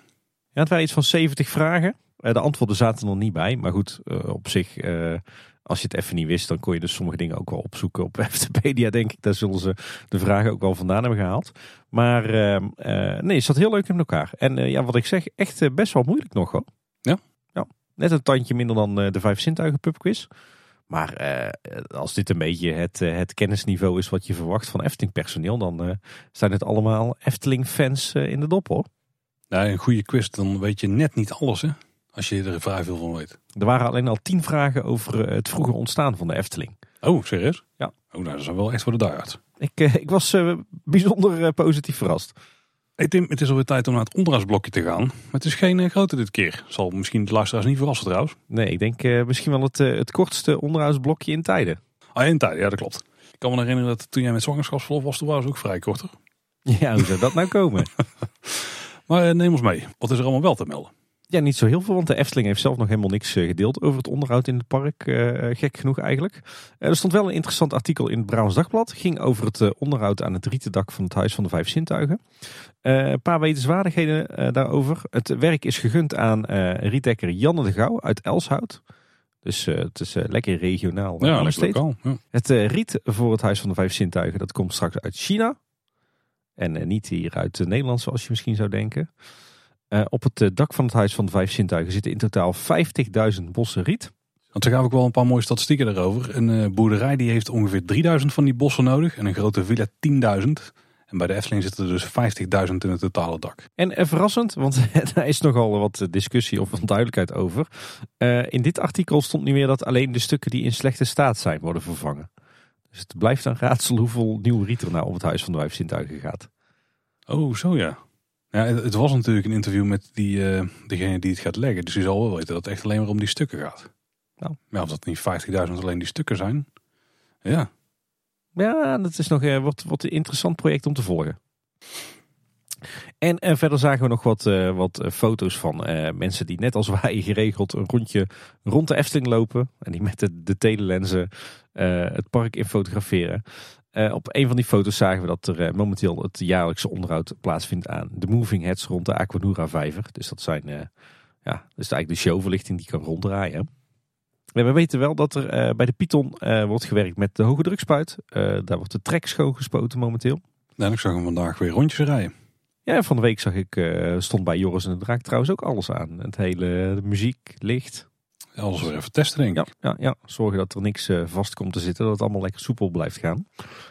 Uh, wat dingetjes uit het Marenrijk. Uh, zo wist een insider te vertellen dat de vijver in Zomperwoud in Droomvlucht leeg staat omdat die lek is. de vloer onder de vijver is ook rot en medewerkers die mogen daar niet meer lopen of staan. Er zit daar een houten vloer onder. Blijkbaar. Is met, ook met de kelder ook nog? Of voor de techniek misschien voor een deel? Ik dacht dat die onder die houten takken weg lag, onder die boomwortels, zeg maar. Ja, dat dacht ik ook. Ik dacht dat het een betonnen vloer was. Ja, daar ging ik ook vanuit. Ja. Hm.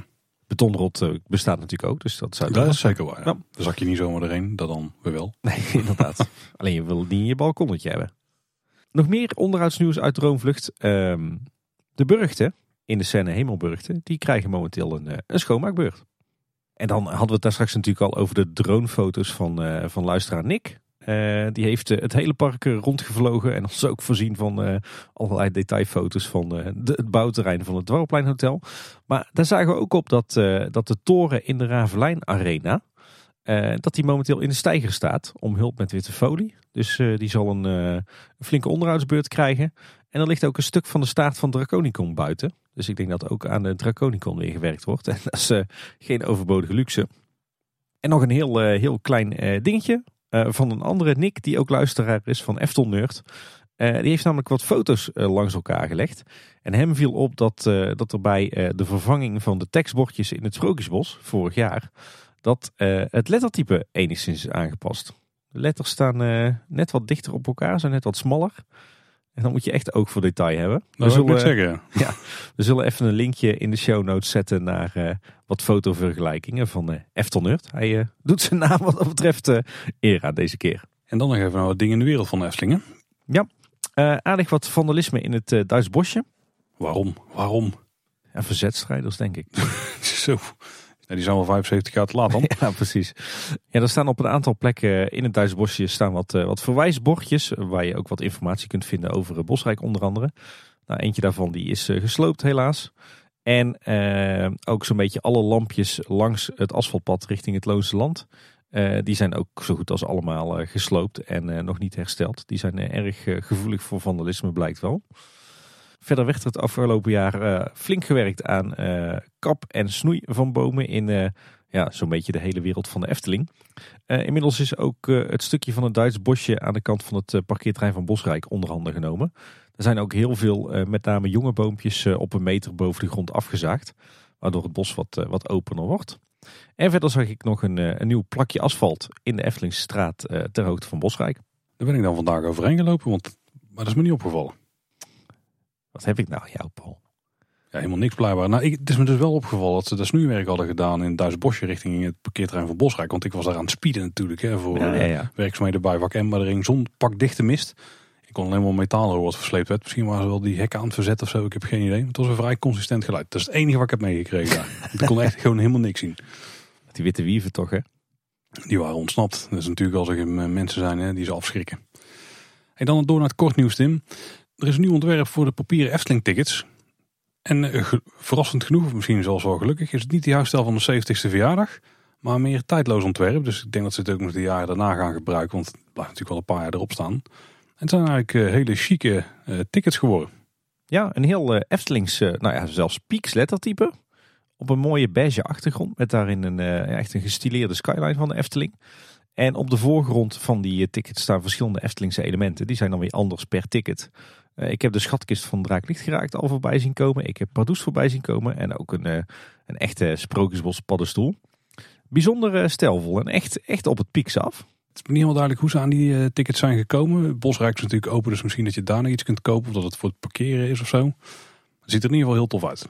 Dan gaan we nog even terug naar de streamers, Tim. Er was wat ophef over die kijkcijfers. Want er zouden maar 610.000 apparaten hebben gekeken naar de stream. Eh, maar de organisatie die ging er zelf vanuit dat er dan wel minstens vier man zouden kijken. Of gemiddeld vier man per scherm. Dat die cijfers die 2,4 miljoen uitkwamen die we hebben genoemd. Maar of het echt realistisch is. Wel zwaar er inderdaad zes man aan het kijken. Nou ja, aan het kijken. Het stond op de achtergrond. Ja. Dus... Ja, Anne en ik met z'n tweeën, dus dat uh, gemiddeld is dat mooi vier. Nou. Oh, nou, dan komt het er goed uit. Ja, dus uh, misschien geen onze. Zal het daar recht eind. Do, doen wij dat eigenlijk ook met onze luistercijfers, Paul? Ja, we doen het maal 15. Beetje aan de bovenkant zit altijd, hè? Een beetje af, goed afronden. Nou, een tijd geleden konden we al melden dat de Efteling een uh, samenwerking met Talpa is aangegaan. Waardoor ze waarschijnlijk vaker op tv te zien zouden zijn of decor zouden kunnen zijn van eh, shows. Een van de eerste vruchten daarvan die werpt zich nou al af. Dat is namelijk het knikkerprogramma Marble Mania. Kun je bekijken op SBS 6 op donderdagavonden vanaf half negen. Die wordt mede mogelijk gemaakt door de Efteling. En in de voorstukjes die we daarvan hebben gezien zien we dat de Efteling dan vooral thematisch ook terugkomt. Zo uh, was bijvoorbeeld de start van een baan was best wel cool. Dat was uh, de toren van Bron 1898. Dus de knikkers liggen dan op een soort uh, lopende band um, met z'n zessen naast elkaar. En die dan zo richting de cool. top van de, zeker vet gemaakt, die dan richting de top van de schachttoren worden ja, omhoog geduwd. En die dan ook over de rand mooi vallen. En dan is met z'n zessen de baan ingaan. En er zijn nog meerdere elementen langs de baan te zien. Um, Pleis van de Fakir komt bijvoorbeeld terug. Maar onderweg zie je ook nog elementen van eh, de draak van Joris en de Draak, pagode. Villa Volta komt terug, symbolica, een langnek en diverse sprookjes uit het Sprookjesbos. Ja, volgens mij hebben ze daar onder meer eh, van die Luviel miniaturen voor gebruikt hè? Ja, dus dan een beetje de makkelijke deel ervan. Maar volgens mij een aantal zijn ook wel echt gemaakt voor de show. De Efteling die meldde zelf nog, volgens mij via Facebook, dat het uh, minimodel van Bron 1898, dat die gelezerd is op basis van de echte bouwtekening van de attractie. Dus cool. zou helemaal moeten kloppen tot in detail. Als je het nou interessant vindt, dan uh, staan er een hoop foto's van die Eftelingse knikkerbaan op uh, eftelingsestraat.nl en op uh, Loopings. We zullen de linkjes weer in de show notes zetten. En sinds 6 januari kun je dit gewoon op tv bekijken. Kijk jij het, Paul? Ik heb er niks van gezien. Maar ja, toch voor alleen gewoon de baan, hoe die dus neergezet, ben toch wel benieuwd. Dat bronelement klinkt heel tof, maar dat is het enige stukje wat ik eigenlijk echt heb gezien in de trailer. Dan wat merchandise nieuws. En een vrij groot nieuwsje trouwens. Dus, ja. Die werd eh, echt eh, een uurtje voor eh, start opname aangekondigd ineens. Ja, en waarom is me totaal niet duidelijk. Maar er was een blogbericht geplaatst over vier nieuwe pins. En die komen in de Smitjes-serie uit. En daar stonden ze ook bij dat zodra de Efteling open gaat, kun je die krijgen. Ja, een beetje raar om die dan nu al te promoten, toch? Qua timing zeer vreemd. Maar dus vier nieuwe pins voor de Smitjes-serie. Jonas, de Kelner, Zoete Kou en een kabouter met gong. Vrij obscure figuren in dit geval. Ja, wel, wel echte piekse figuren, maar echt ja, de hele onbekende, hè? Ik, mijn favoriet was, eh, was Jonas, die we natuurlijk kennen als eh, Jonas uit de Walvis. Die, eh, dat komt van een bordje dat aan de achtergevel van het spookslot hangt bij de Witte Walvis, de ijswinkel. En waar komt de zoete vandaan? Want die kon ik niet helemaal plaatsen. Ja, dat hoorde ik van meer mensen. Maar komt hij niet van een van de, de borden op het dak van de zoete inval? Dat zou ik ook denken, maar ik kwam me zo niet bekend voor. Volgens mij wel. Oké. De kabouter met gong is volgens mij een klassieke piekprent. Ja. En de kelner is volgens mij ook een klassieke piekprent? Of is dat van de, de, de gevel van het theater? Nee, dat is niet deze kelner. Maar die is daar wel weer misschien op geïnspireerd. Ik zie ook dat hij eenzelfde soort kapsel heeft namelijk. Maar die ziet er wel anders uit. En dat is ook een uh, Tom van de Ven creatie natuurlijk. In het, uh, het blogbericht op de Efteling website uh, hadden ze trouwens ook een prachtig totaaloverzicht gemaakt van alle pins die tot nu toe uit het smitje zijn gekomen het, wat mij betreft toch wel echt de allermooiste pins die, eh, die door de Efteling zijn gemaakt. En uh, als ik het dan zo bij elkaar zag staan, dan baal ik er toch wel van dat ik geen... Uh, dat ik een verre van complete collectie uh, Smitje pins heb. Het is inmiddels een flinke collectie, ja. Ik denk ook dat je aardig wat euro's neer moet tellen om het van iemand te kunnen overkopen. Het lijkt er trouwens ook op dat de Efteling tegenwoordig echt maandelijks een nieuwe trui uitbrengt. Ja. Dus misschien als ze ermee stoppen in de zomerperiode. Maar er is weer een nieuwe groene Efteling trui eh, te scoren. In dit geval met geborduurde logo's, voorop en achterop. Een stuk groter dan een paar van de voorgaande subtielere logo's. Kost 35 euro. Vond het een beetje saaie, lelijke trui eigenlijk. Ja, vergeleken met die andere. Er zijn wel coolere, zoals degene die jij hebt bijvoorbeeld. Met kleine boodschappen op natuurlijk. Maar misschien ook licht uh, bevooroordeeld. Ja. En er is nog een winactie waar je aan kunt meedoen voor een Efteling souvenir van Wijk. Je moet voor 23 januari meedoen. Het linkje vind je in de show notes, maar ook op de Efteling blog. Ik lees iedere keer Wiek, maar dat komt omdat eh, je in Maastricht een wijk hebt die schrijf je als wijk zoals je het souvenirmerk wijk schrijft, maar dat moet je uitspreken als Wiek. Dat doen ze in Limburg hier eh, wat fout misschien. Laten we snel doorgaan naar uh, nog meer merchandise nieuws. Of althans uh, gelieerd aan merchandise. Want een tijdje terug hebben we het gehad over de creaties van Tom. Die is heel bedreven in, in het maken van Lego setjes. En die bouwde aan een, ja wat is dat? Een microversie van de Efteling. En de afgelopen maanden zijn er telkens wat setjes van uitgekomen. En ehm, de afgelopen week kwam het allerlaatste setje uit. Het was een soort miniatuur Villa Volta gebouwd in Lego. En daarmee kan je nu dus eh, een eh, complete mini Efteling bouwen. Volgens mij bestaat die uit negen losse elementen. En we zullen even linken naar een tweetje van Tom in eh, de show notes. Dan heb je ook meteen de link naar de plek waar je, nou in ieder geval misschien niet de steentjes, maar wel de handleiding kunt downloaden, toch? Ja. Wil je nou iets groters Eftelings gerelateerd kopen? Dat kan, want er staat wederom een gondolettenbootje te kopen op Marktplaats. De huidige prijs 625 euro. Zou nog kunnen oplopen, maar hij staat er al een tijdje op. Staat dus niet echt top, wel een opknappertje. Het linkje vind je zoals altijd in de show notes. En ook nog goed nieuws voor de Efteling. Ze zijn namelijk genomineerd voor de Food Service Award 2022 in de categorie Leisure. En dat plaatste Melvin heel trots op LinkedIn. En dat snap ik wel. Mag je wel trots op zijn. Ja, precies. Hey, ik heb de laatste tijd ook weer wat meer naar Efteling Kids Radio geluisterd. Dat is natuurlijk uh, een van de voordelen van de lockdown. Weet je wat me opvalt? Dat er geen DJ's meer zijn. Uh, daar ook, ja.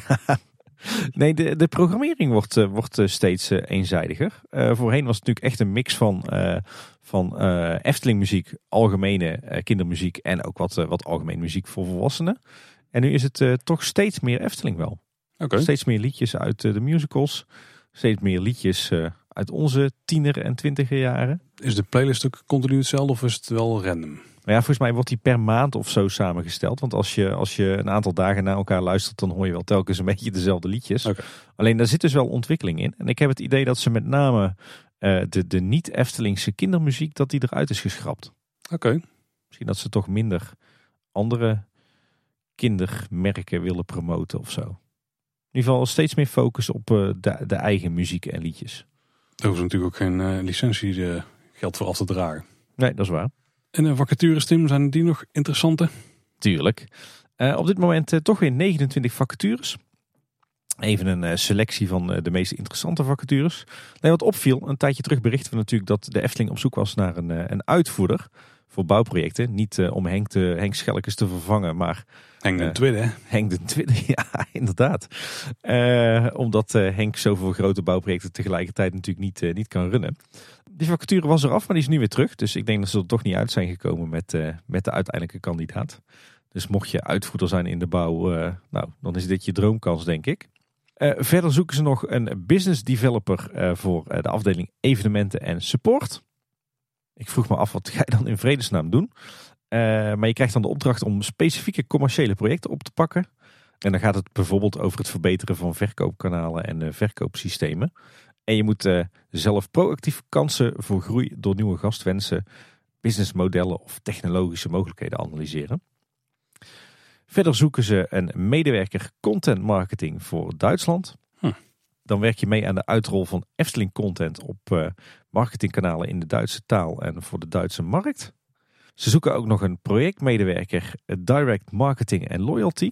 Ik kan, kan zo in de marketing en sales gaan werken na, dit, na deze aflevering. Alle buzzwords ken je in ieder ja, geval. precies. Uh, wat doe je dan? Nou, je werkt dan onder andere aan het schrijven en verzenden van de Efteling nieuwsbrief. Het inrichten van landingspagina's voor de nieuwsbrief. En uh, selectie en opschoning van adressen voor de incidentele direct mails. Dus dat zijn uh, volgens mij de mails die wij als abonnementhouders ontvangen. Ja, ja, die zullen natuurlijk ook wel op andere doelgroepen kunnen richten. En nog wat andere vacatures. Uh, ze zoeken een teamlead voor de afdeling Finance en Salaris Support. Trouwens een wonderlijke mix van Engels en Nederlands in één, uh, in één functie, maar goed. Uh, een shiftleader voor de restaurants op de hotels en resorts. Een supervisor front office hotels en resorts. En sowieso heel veel horecafuncties bij zowel de hotels en resorts als in het park. En ook heel veel verschillende bijbanen en meewerkstages in het park. Waaronder ook een leuke meewerkstage bij de groene afdeling. Ook heel tof. Jeroen Vrij die had een aantal foto's gepost op Instagram. Waarbij je zag hoe hij poseerde voor de figuren in Symbolica. En ook hoe ze video's hebben gemaakt die uiteindelijk dan uh, gebruikt werden bij Garner Holt. Als referenties voor hoe de, de figuren moesten gaan bewegen. Een mooie, mooie link richting de Fata Morgana eigenlijk hè? Ja, al hadden ze hier niet een heel speciaal toneel ervoor opgetuigd of zo. nee. Maar stond gewoon ergens in een kamertje dit, dit, dit, te doen. Maar dat werkt natuurlijk ook tegenwoordig. Nee. Voor wie zich afvraagt, wat bedoel je nu? We weten dankzij de Vijf Zintuigen docu dat ze uh, bij de bouw van de animatronics voor de Fata Morgana... dat de bewegingen eerst door Efteling personeel uh, werden nagespeeld op het, uh, het podium in het Carouseltheater. En dat werd gefilmd en dat werd daarna gebruikt om de animatronics te programmeren. En nog een uh, leuk nieuw artikel op Eftepedia. Over weer echt zo'n onderwerp dat je denkt, hoe komen ze erbij? Uh, het gaat over uh, burgemeester Louis van Erp van de gemeente Loon op Zand. die volgde burgemeester Reinier van der Heijden op in 1963. En waar Van der Heijden natuurlijk ja, een van de grondleggers, misschien wel de grondlegger was van Efteling in de jaren 50, was de volgende burgemeester Louis van Erp nogal anti-Efteling. interessant verhaal. Ga checken op Eftepedia. En nog een heel tof artikel op FTpedia. De redactie daar die heeft alle informatie die ze konden vinden over de toren der goden. Waaronder trouwens twee interviews van ons Tim. Hebben ze bij elkaar gegooid en die hebben eindelijk een duidelijk artikel gemaakt over wat die attractie nou had kunnen inhouden. En ook de verschillende iteraties die ervan zijn geweest. Ja, ja interessant eh, project wat nooit gerealiseerd is. We hebben het volgens mij ooit al wel aangehaald eh, in onze aflevering over niet gerealiseerde eh, attracties. Uh, kwam ook voorbij in interviews met Lex Lemmens en met Michel Dulk bij Kleine Boodschap. maar het is nu extra actueel, want het wordt toch hier en daar wel gehint als een mogelijke vervanger van het huidige spookslot. Ja, niet per se natuurlijk die uitwerking daar. Ik, want dat is voor ons nog steeds onduidelijk hè, hoe die effecten daar zouden gaan werken. Zou die heel erg fysiek zijn of zou het ook wel op projecties gebaseerd zijn? Dat weten we niet. Iets met een bewegend platform, maar welke vorm dat dan is, dat weten we niet. Het kan een valtoren zijn of misschien uh, zo'n multimedia, uh, ja, soort doomattractie. Zou allemaal nog kunnen. Dus het heeft er wel, als je door je oogharen kijkt, van weg. Ja, er gaan allerlei verhalen over, over die, eh, die toren der goden. Er, is zelfs een uitwerking als vrije valtoren. Er is een uitwerking die heel erg lijkt op het Holland Drama, wat natuurlijk lange tijd in het Openluchtmuseum in Arnhem te vinden was. Maar inderdaad ook een, een platform dat zich op en neer kon bewegen langs een, een mast. Hele interessante materie. Ga het, uh, ook dat zeker even checken op, uh, op Eftepedia. Nou, hou je nou van de geschiedenis van de Efteling? Um, Wie niet? Ik, ik, ik, denk stiekem dat er meer mensen zijn dan uh, dat wij denken, Tim. Maar iedereen die zou het in ieder geval interessant moeten vinden. En dan kun je je hart ophalen op YouTube. Want Mitch, dus Eftelding op Twitter, die heeft een serie gemaakt over 70 jaar Efteling. En iedere woensdag en vrijdag komt daar een nieuwe aflevering van online. En we hebben even een linkje in de show notes geplaatst naar de playlist. Daar kun je ze uiteindelijk allemaal vinden. Ja, ga het gewoon nu al checken, want toffe video's. Ja, inderdaad. Uh, wel veel hergebruikte beelden die we al eerder hebben gezien in andere video's. Maar uh, gewoon heel mooi eh, bij elkaar geplakt per tijdsperiode. Dus als je nog niet zo bekend bent met de geschiedenis van de Efteling. Dan is het denk ik een hele ja, vermakelijke manier om erin in geïntroduceerd te worden. Tof, tof gemaakt. Nou, de wereld van de Efteling, daar hebben we al het nieuws al uitverteld. Maar daar rondomheen gebeurt ook nog wel het een en ander. Ja, we houden alles in de gaten natuurlijk. Bijvoorbeeld uh, Golfpark de Loonse Duinen, uh, voorheen het Efteling Golfpark. Er is wat bouwactiviteit op de kruising van de Veldstraat met uh, de Duikshoef. Het golfpark zelf stopt iets eerder, maar hier heeft de stichting Natuurpark de Efteling nog wat gronden liggen die ze verpachten. En naast, direct naast die gronden wordt momenteel gebouwd aan een nieuwe stal. Een nieuwe stal? Dat zie je er niet vaak meer. Nee, verrassend. Zeker in relatie tot het hele stikstofuitstootverhaal natuurlijk. Ja, het gaat natuurlijk over je eigen landerijen waar dat plaatsvindt. Nee, nee het, ze kijken juist ook naar uh, alle stikstofuitstoot in een gebied. Dat zal vast over zijn. Hoop ik. Langer dan vijf seconden. en dan nog een uh, interessante ontdekking van een van onze redactieleden. Uh, in Tilburg heb je een beeldje van een typische kruikenzeiker. Die staat in de Nieuwlandstraat. En wat blijkt nou?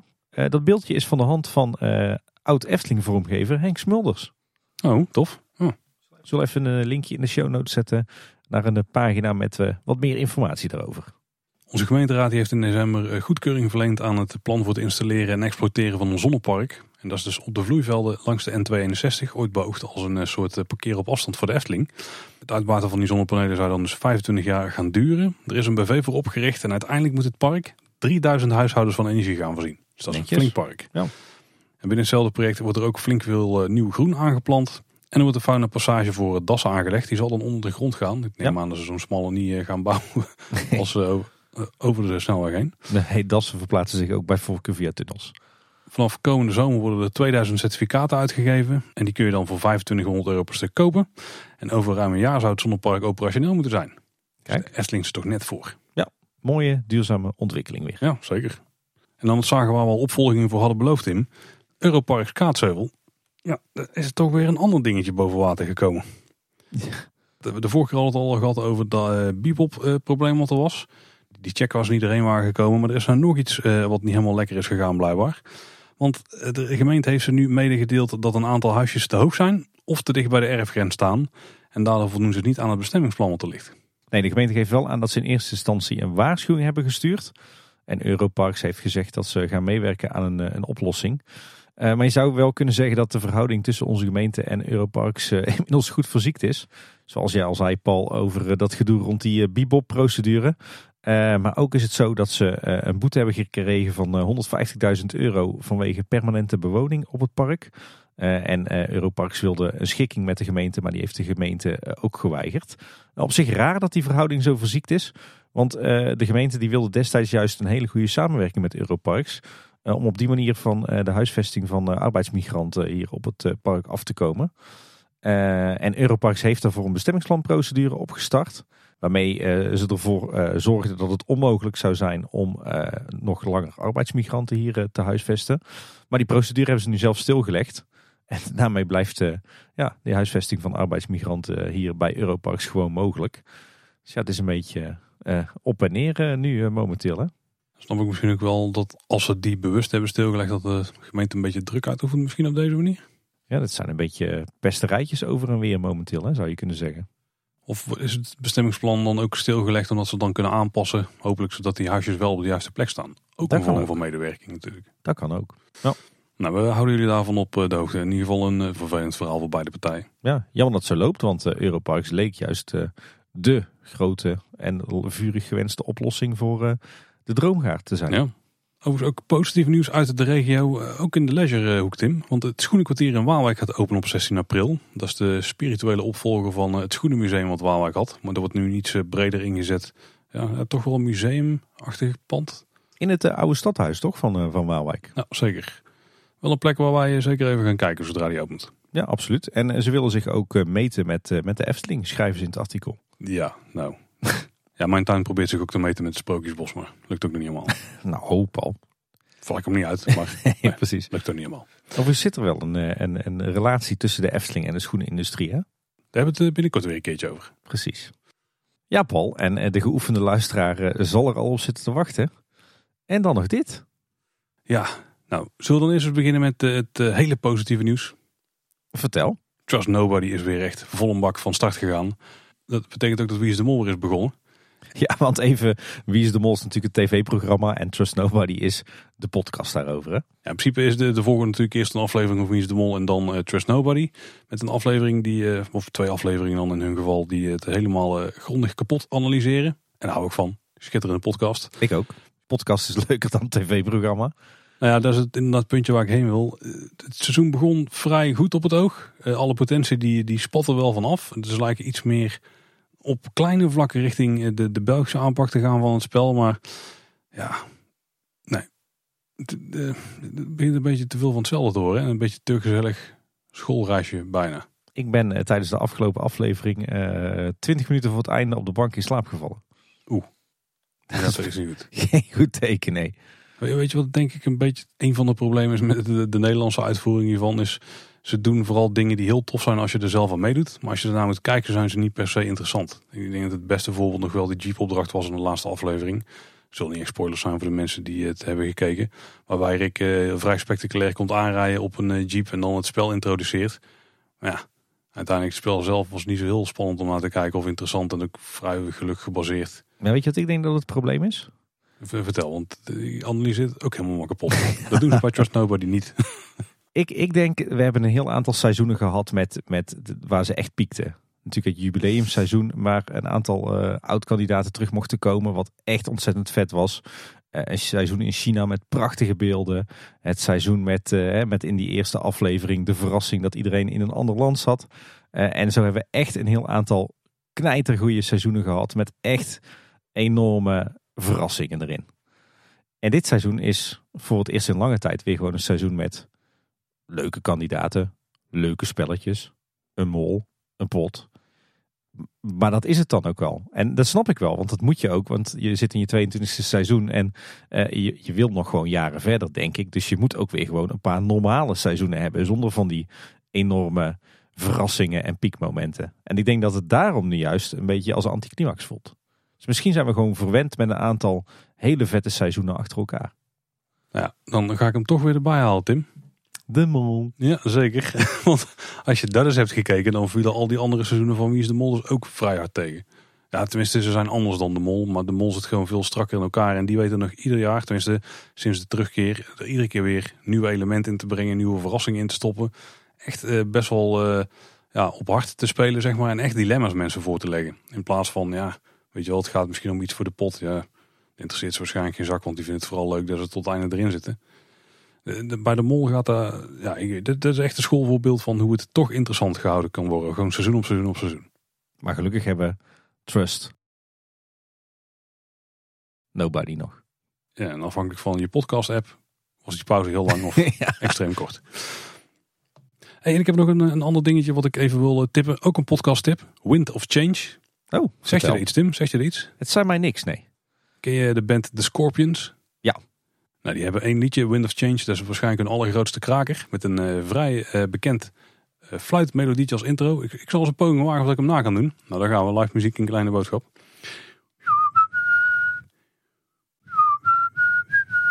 Ja, ik heb Zoiets. Ja, dat is Wind of Change. En die podcast die gaat over dat nummer. Want de host van de podcast die heeft een, een vriend. En die is nog blijkbaar vrij goed ingevoerd bij Washington. En de mensen die daar rondlopen en zo. En die heeft een keer van een kennis van hem, een CIA-agent, gehoord dat er binnen de CIA bij cursussen werd verteld dat bijvoorbeeld een van de tactieken die ze daar eh, toepasten, propaganda was via popmuziek. En dat Wind Oh. of Change wel eens geschreven zou zijn door een CIA-agent. Oké. En daar gaat die podcast gaat er dus helemaal uitzoeken wat daarvan waar is. Tot uiteindelijk eh, mensen die daar zeer nauw bij betrokken waren bij het ontstaan van het nummer. En dat is echt heel tof. Kijk, uiteindelijk heb je een soort van vraag die opgelost moet worden. Nou, of dat die dan opgelost moet worden is bij die true crime-achtige podcast altijd maar de vraag. Hè, en hoe bevredigend het is. Eh, ik vond het einde van eh, vrij eh, aardig. Dat zijn vooral alle losse kleine anekdotes en verhalen die langskomen onderweg die heel tof zijn. Dus al is het, het hoofdverhaal is interessant en, en gaat tenminste ergens naartoe. Maar alle losse, bijvoorbeeld spionachtige eh, tactieken die de CIA en zo toepast in de Koude Oorlog, die zijn ook heel tof om te horen. Ook soms van de mensen die ze echt hebben uitgevoerd. En andere kleine verhalen die ze boven water halen onderweg. Echt een hele toffe podcast, echt een aanrader. Wel een, eh, een Engelstalige uiteraard. Amerikaanse podcast in dit geval. Maar eh, Wind of Change eh aflevering of 8, 9 volgens mij. Dan ben je er doorheen van ieder drie kwartier. Dan heb je een hele goede week gehad als je een beetje te, te binge luisteren. Goeie tip, eh, Paul. En jij Tim, jij nog wat gedaan de laatste tijd? Ja, het is natuurlijk lastig hè, nu heel veel eh, van eh, onze geliefde plekken dicht zijn. Maar we hebben er toch wel een oplossing voor gevonden. We gaan natuurlijk weer eh, veel de natuur in. En heel af en toe naar België. Ehm, ja, op wat voor plekken zijn we geweest de laatste tijd? Natuurlijk eindelijk weer eens een keertje naar Nationaal Park de Hoge Veluwe. Toch wel een van onze favoriete plekken. Ik ben daar als de Efteling open er ook gewoon heen. Ja, ja, precies. Ja, dat is echt ook wel een thuispark voor ons. Dus weer lekker gefietst op de witte fietsen. Oudste dochter komt voor het eerst zelf op een eigen witte fiets. Ging niet helemaal zonder slag of stoot, maar eh, het idee was leuk. En je komt soms ook bij EOS tegen. Ja, inderdaad. We kwamen wel een bekende Eftelinger tegen, ja. Maar uit privacy-overwegingen zullen we daar niet te veel over zeggen. Eh, lekker in de speeltuin gespeeld. eh, heerlijk gegeten. Het, je kunt er ook een hoop gerechten krijgen waar ze wild uit eigen park voor gebruikt hebben. Natuurlijk nog even rondgehangen rond de jachtslot Sint-Hubertus. Mooiste gebouw van Nederland. Dus nee, een toffe dag gehad. Hij is van de vijf zintuigen, Tim. Ja, goed punt. Goed punt. Eh, wel twee interessante veranderingen. Eh, ze hebben het centrale plein in het, eh, in het park hebben ze helemaal opnieuw heringericht. En bijzonder genoeg hebben ze ervoor gekozen om dat niet te verharden. Dus dat is één grote gravelbak geworden. Natuurlijk hartstikke goed voor eh, eh, een stukje duurzaamheid en klimaatrobuustheid. Want eh, dan kan al je regenwater beter infiltreren en dan heb je weer minder verdroging. Maar ik vond best wel een gewaagde keuze om zo'n druk bezocht gebied midden in het park, om daar de verharding weg te halen. Ik zie dat de Efteling nog niet doen. En wat ook leuk was, is dat het jachtslot Sint-Hubertus, we hadden het er net al over, dat er dit jaar 100 jaar bestaat. En eh, rond het jachtslot hadden ze allerlei mooie borden gezet met foto's en ontwerptekeningen, eh, foto's van de bouw. Ontzettend tof. En toen dacht ik toch weer, wat zou het toch mooi zijn als de Efteling dit ook zou doen rond de 70ste verjaardag. Die Efteling is not a museum. ja, oké, voor één jaar. Voor een half jaar. Ja. Ah, oké, oké. Dan, dan kan het wel. Hebben ze in een ver verleden al vaker gedaan, hè? Maar dit, dit is wel een permanente beboording. Nee, tijdelijk ook. Oh, tijdelijk. Vanwege dat eh, 100-jarige jubileum. Oh, oké, jammer. Ja, want ik weet niet wat ik de komende jaren een keer terecht... eh, Ah, er wordt vast ook nog een boek uitgebracht, eh, denk ik, Paul. oh, nu zie ik er ook niet in de kast verschijnen, maar... Nee. En verder? Eh, verder nog, eh, nog lekker naar, naar het strand geweest. Eh voor het eerst in Noordwijk aan zee beland. Zo'n heerlijke typische badplaats met wat vergane glorie. Ik eh, kan er echt enorm van eh, genieten. Eh, daarover gesproken, we hadden alle dierentuinen in België al gehad, dachten we. Maar er was er nog eentje overgebleven eh, die we nog, eh, waar we nog nooit waren geweest. Eh Pakawi Park. Bij de collega's van Zoo Insight eh, noemen ze het altijd Pakawaki Park. Dus eh, ik heb me aardig vaak versproken die dag. Voorheen de Olmense Zoo had een hele slechte naam. eh, maar die dierentuin heeft een doorstart gemaakt. En de nieuwe eigenaar ja, die probeert met beperkte middelen toch wel te doen aan de vele problemen die het park kent. is nog niet helemaal van de grond gekomen. Dus het is op sommige plekken een beetje een mix van De Valkenier meets Tiger King meets uh, Treurtrips. Zo, dit is niet wat ik in mijn foldertje zetten, Tim. Nee, dus als je, als je random dierentuinbezoeker bent, dan zou ik er zeker niet naartoe gaan. Als je nou uh, echte diehard dierentuinliefhebber bent en je wilt alles zien wat, wat de markt te bieden heeft, dan moet je hier wel zeker gaan kijken. Want er gebeuren daar bijzondere dingen. Van witte leeuwen en witte tijgers tot cheetahs achter een, een heel simpel bouwhekje tot giraffen die je gewoon kunt aaien. Bijzonder park maar ja, je ziet dat de eigenaar hard zijn best doet. Maar ik denk dat het uh, gewoon een hele uh, zware erfenis is uh, die ze daar mm. hebben. Maar wel een leuke dag gehad overigens. We zijn ook nog lekker in het Masbos geweest in Breda. Even wezen wandelen met Niels en Mark van Typisch Brabant podcast. En later nog even lekker zitten picknicken daar. De natuurspeeltuin, ook nog de waterspeeltuin in geweest met de meiden was wel een beetje archipel voor gevorderden. Want in plaats van een laagje water uh, stond daar uh, anderhalve meter water. En dat is nog best wel een, uh, een uitdaging met kinderen van 2 en 5. maar dat is allemaal goed afgelopen. En ook nog natuurlijk nog even lekker thuiswedstrijd. hier de Loonse en Drunense duinen in met de emmertjes en de schepjes en het picknickkleedje. Dus ja, zo weten we ons ondanks de lockdown toch nog redelijk te vermaken. Nou, dan nog wat, uh, wat luistertips. Nou ja, allereerst uh, moeten we een uh, nieuwe pretparkpodcast welkom heten. Zeker, ja. Wonderbaarlijk de podcast. De nieuwe podcast van Stef en Emma. Toch wel een vriend en vriendin van de show. Ja, zeker. Die zijn op het moment van opname hebben ze hun, hun eerste aflevering net uitgebracht. Gaat onder meer over de Efteling, over Toverland, over Disney, over series op Disney+. Plus. Dus nou, ik denk dat, er, dat het best wel wat luisteraars van ons zou kunnen interesseren. Zoek het op, wonderbaarlijk de podcast. Ja, en Paul, ik heb het idee dat je je af en toe wel een klein beetje stoort aan, uh, aan hoe vaak ik oreer over uh, Scandinavië en dan vooral uh, Zweden. Ja, nee, niet storen. Nee? Nee, dat is gewoon schattig. schattig. Oké. Als je dacht dat ik het veel en met liefde over Zweden heb, dan, dan, dan ken je nog niet de podcast The Sweetest Thing. Die naam is wel echt goed. Ja, ja eh, toevallig van de week ontdekt ik. Eh, ik was door al mijn podcasts heen. Ik denk, eh, ik ga eens iets heel nieuws zoeken. Ik dacht, nou, doe eens gek. Ik zoek op Zweden. En wat bleek? Er is zowaar een Nederlandstalige podcast over Zweden. En zijn die al lang bezig? Veel afleveringen? Die, de dames hebben al drie seizoenen inmiddels. Van iedere ik geloof een aflevering of acht. En die podcast draait dus volledig om hun, hun passie voor Zweden en alles wat Zweeds is. En eh, wij krijgen wel eens mailtjes van uh, luisteraars die nu pas Kleine Boodschap leren kennen. En die dan zeggen, ik ga alle 250 plus afleveringen terugluisteren. En dan denken wij altijd, hoe houden mensen dat vol? Maar deze podcast is zo ongelooflijk tof voor mij als, uh, als toch wel Zweden-liefhebber.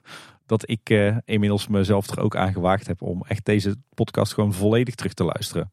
Dus heb je net als ik ook wat met Zweden. The Sweetest Thing is ja, eigenlijk de best you can get op uh, Nederlands podcastgebied. Is jou op het live geschreven? Absoluut, genieten. En daarover gesproken trouwens, ook nog leuk. Uh, Chris, onze huisfotograaf, die is, ik denk ook vanwege de lockdown, zijn vakantiefoto's online aan het zetten op zijn website. Waaronder ook een heleboel mooie foto's van zijn vakantie in, in Zweden. Dus daar zullen we ook nog even naar linken in de show notes. En Paul, jij gaf al een kijktip. Natuurlijk, wie is de mol? Nou ja, we zitten in lockdown, dus laat ik dan ook nog maar wat kijktips geven. Uh, Undercover, de bekende, ja, wat is het? Vlaams-Brabantse misdaadserie op Netflix. Uh, seizoen 3 is inmiddels helemaal uit. Dus als je wil bingen, dan uh, kan je het nu kijken. En wat mij betreft is het van de drie seizoenen tot nu toe de allerbeste. Oh, oké. Ik, ik heb hem dus bewaard en hij is nu helemaal afgerond, hè? Ja, ja je kan hem nu volledig gaan kan kijken. Een bingen, mooi. Ik moet zeggen, ik vond seizoen 1 achteraf gezien een beetje slapstick. En seizoen 2 heel erg serieus en zwaar op de hand. En dit is een, een beetje, nou mooie middenmoot daarvan. Heel benieuwd. Ook nog leuk is, is een, nieuwe serie van uh, de hand van Harlan Coben op uh, Netflix. Natuurlijk oh ja, niks spoilen. Natuurlijk ook, uh, tenminste wat, wat ons betreft, echt wel favoriet. Alle series van Harlan Coben. Het lijkt wel of dit die vier series per jaar uitbrengt of zo. Ja, wel, nou wel minstens twee of zo. ja, Stay Close. die is hartstikke nieuw. En het leuke is dat hij zich afspeelt in het Britse badplaatsje Blackpool. Oh, hij stond al in mijn kijklijst. Mooi, mooi. En daar vind je natuurlijk Blackpool Pleasure Beach. Dus als je wat hebt met met uh, vergane glorie en badplaatsen, dan uh, is dat ook zeker de moeite waard. En die zijn één keer online gezet, hè? Even kijken, want welke zou je als eerste aanraden? undercover denk ik. Dan kom ik in Nederland minstens snel onderuit. Hè? Ja, toch wel undercover. Oké. Ja, ja. En eh, wat ook nieuw is, eh, dat zag ik van de week in de, de krant. Ehm, Around the World in 80 Days. Een eh, nieuwe eh, verfilming, of eigenlijk verseriering, van eh, natuurlijk het, eh, het oude verhaal van Jules Verne. Ik vind het vooral mooi dat jij dit soort dingen ontdekt in de krant. Ja. Lang leven het Brabants Dagblad. Maar eh, ja, wat ik ervan gezien heb tot nu toe, een ontzettend toffe eh, verfilming. Met een aantal eh, goede acteurs, zoals David Tennant, bekend onder andere van uh, Broadchurch. Ziet er prachtig uit, prachtige beelden. Heel tof sfeertje zetten ze daar weg. Muziek van Hans Zimmer. Dus echt een, Oh, een topserie. Alle recensies die ik heb gelezen zijn enorm lovend. En ik denk als je wat hebt met, eh, met themaparken, dat dit helemaal in je straatje is. Hij wordt wel alleen uitgezonden op, eh, wat is dat, BBC First. Eh, dus dan moet je wel kabel-tv hebben en iedere zondag om 8 uur op de bank zitten met een vliesdekentje en een zakje chips. Dus ik moet nog even kijken hoe ik hem kan kijken. Maar lijkt me zeker ook wel een, een passende tip voor onze luisteraars zo in tijden van lockdown. Ja, dit zal zich uiteindelijk toch wel verspreiden naar de streamingdiensten en zo. Want het is een beetje hetzelfde als Doctor Who en Sherlock. Hetzelfde team zit er ook achter, Ja, denk ik. ja. David Tennant heeft ook een eh, Doctor Who gespeeld. Ja. Nou, dan zijn we er weer doorheen, Tim. Ja, ondanks dat eh, de Efteling eh, hartstikke dicht is, toch weer een, een berg Efteling nieuws. Wij vullen de aflevering wel. Ben daar maar niet bang voor. Wil je nou iets aan ons kwijt? of wil je ons volgen op een van de social media kanalen? Ga dan even naar onze website kleineboodschap.com slash volgen. Dan is namelijk de pagina waar je alle plekken vindt waar wij te volgen zijn. En als je dan op de site bent kun je ook naar het contactformuliertje gaan. En je kunt ons ook trouwens mailen. info.kleineboodschap.com Ja, en op onze website kleineboodschap.com vind je ook alle 254 afleveringen met alle show notes. En daarnaast natuurlijk ook alle afleveringen van de buitenwereld en onze avontuurtjes buiten de deur. Luister je nou in een podcast app, vergeet je dan niet te abonneren. Kan ook in Spotify.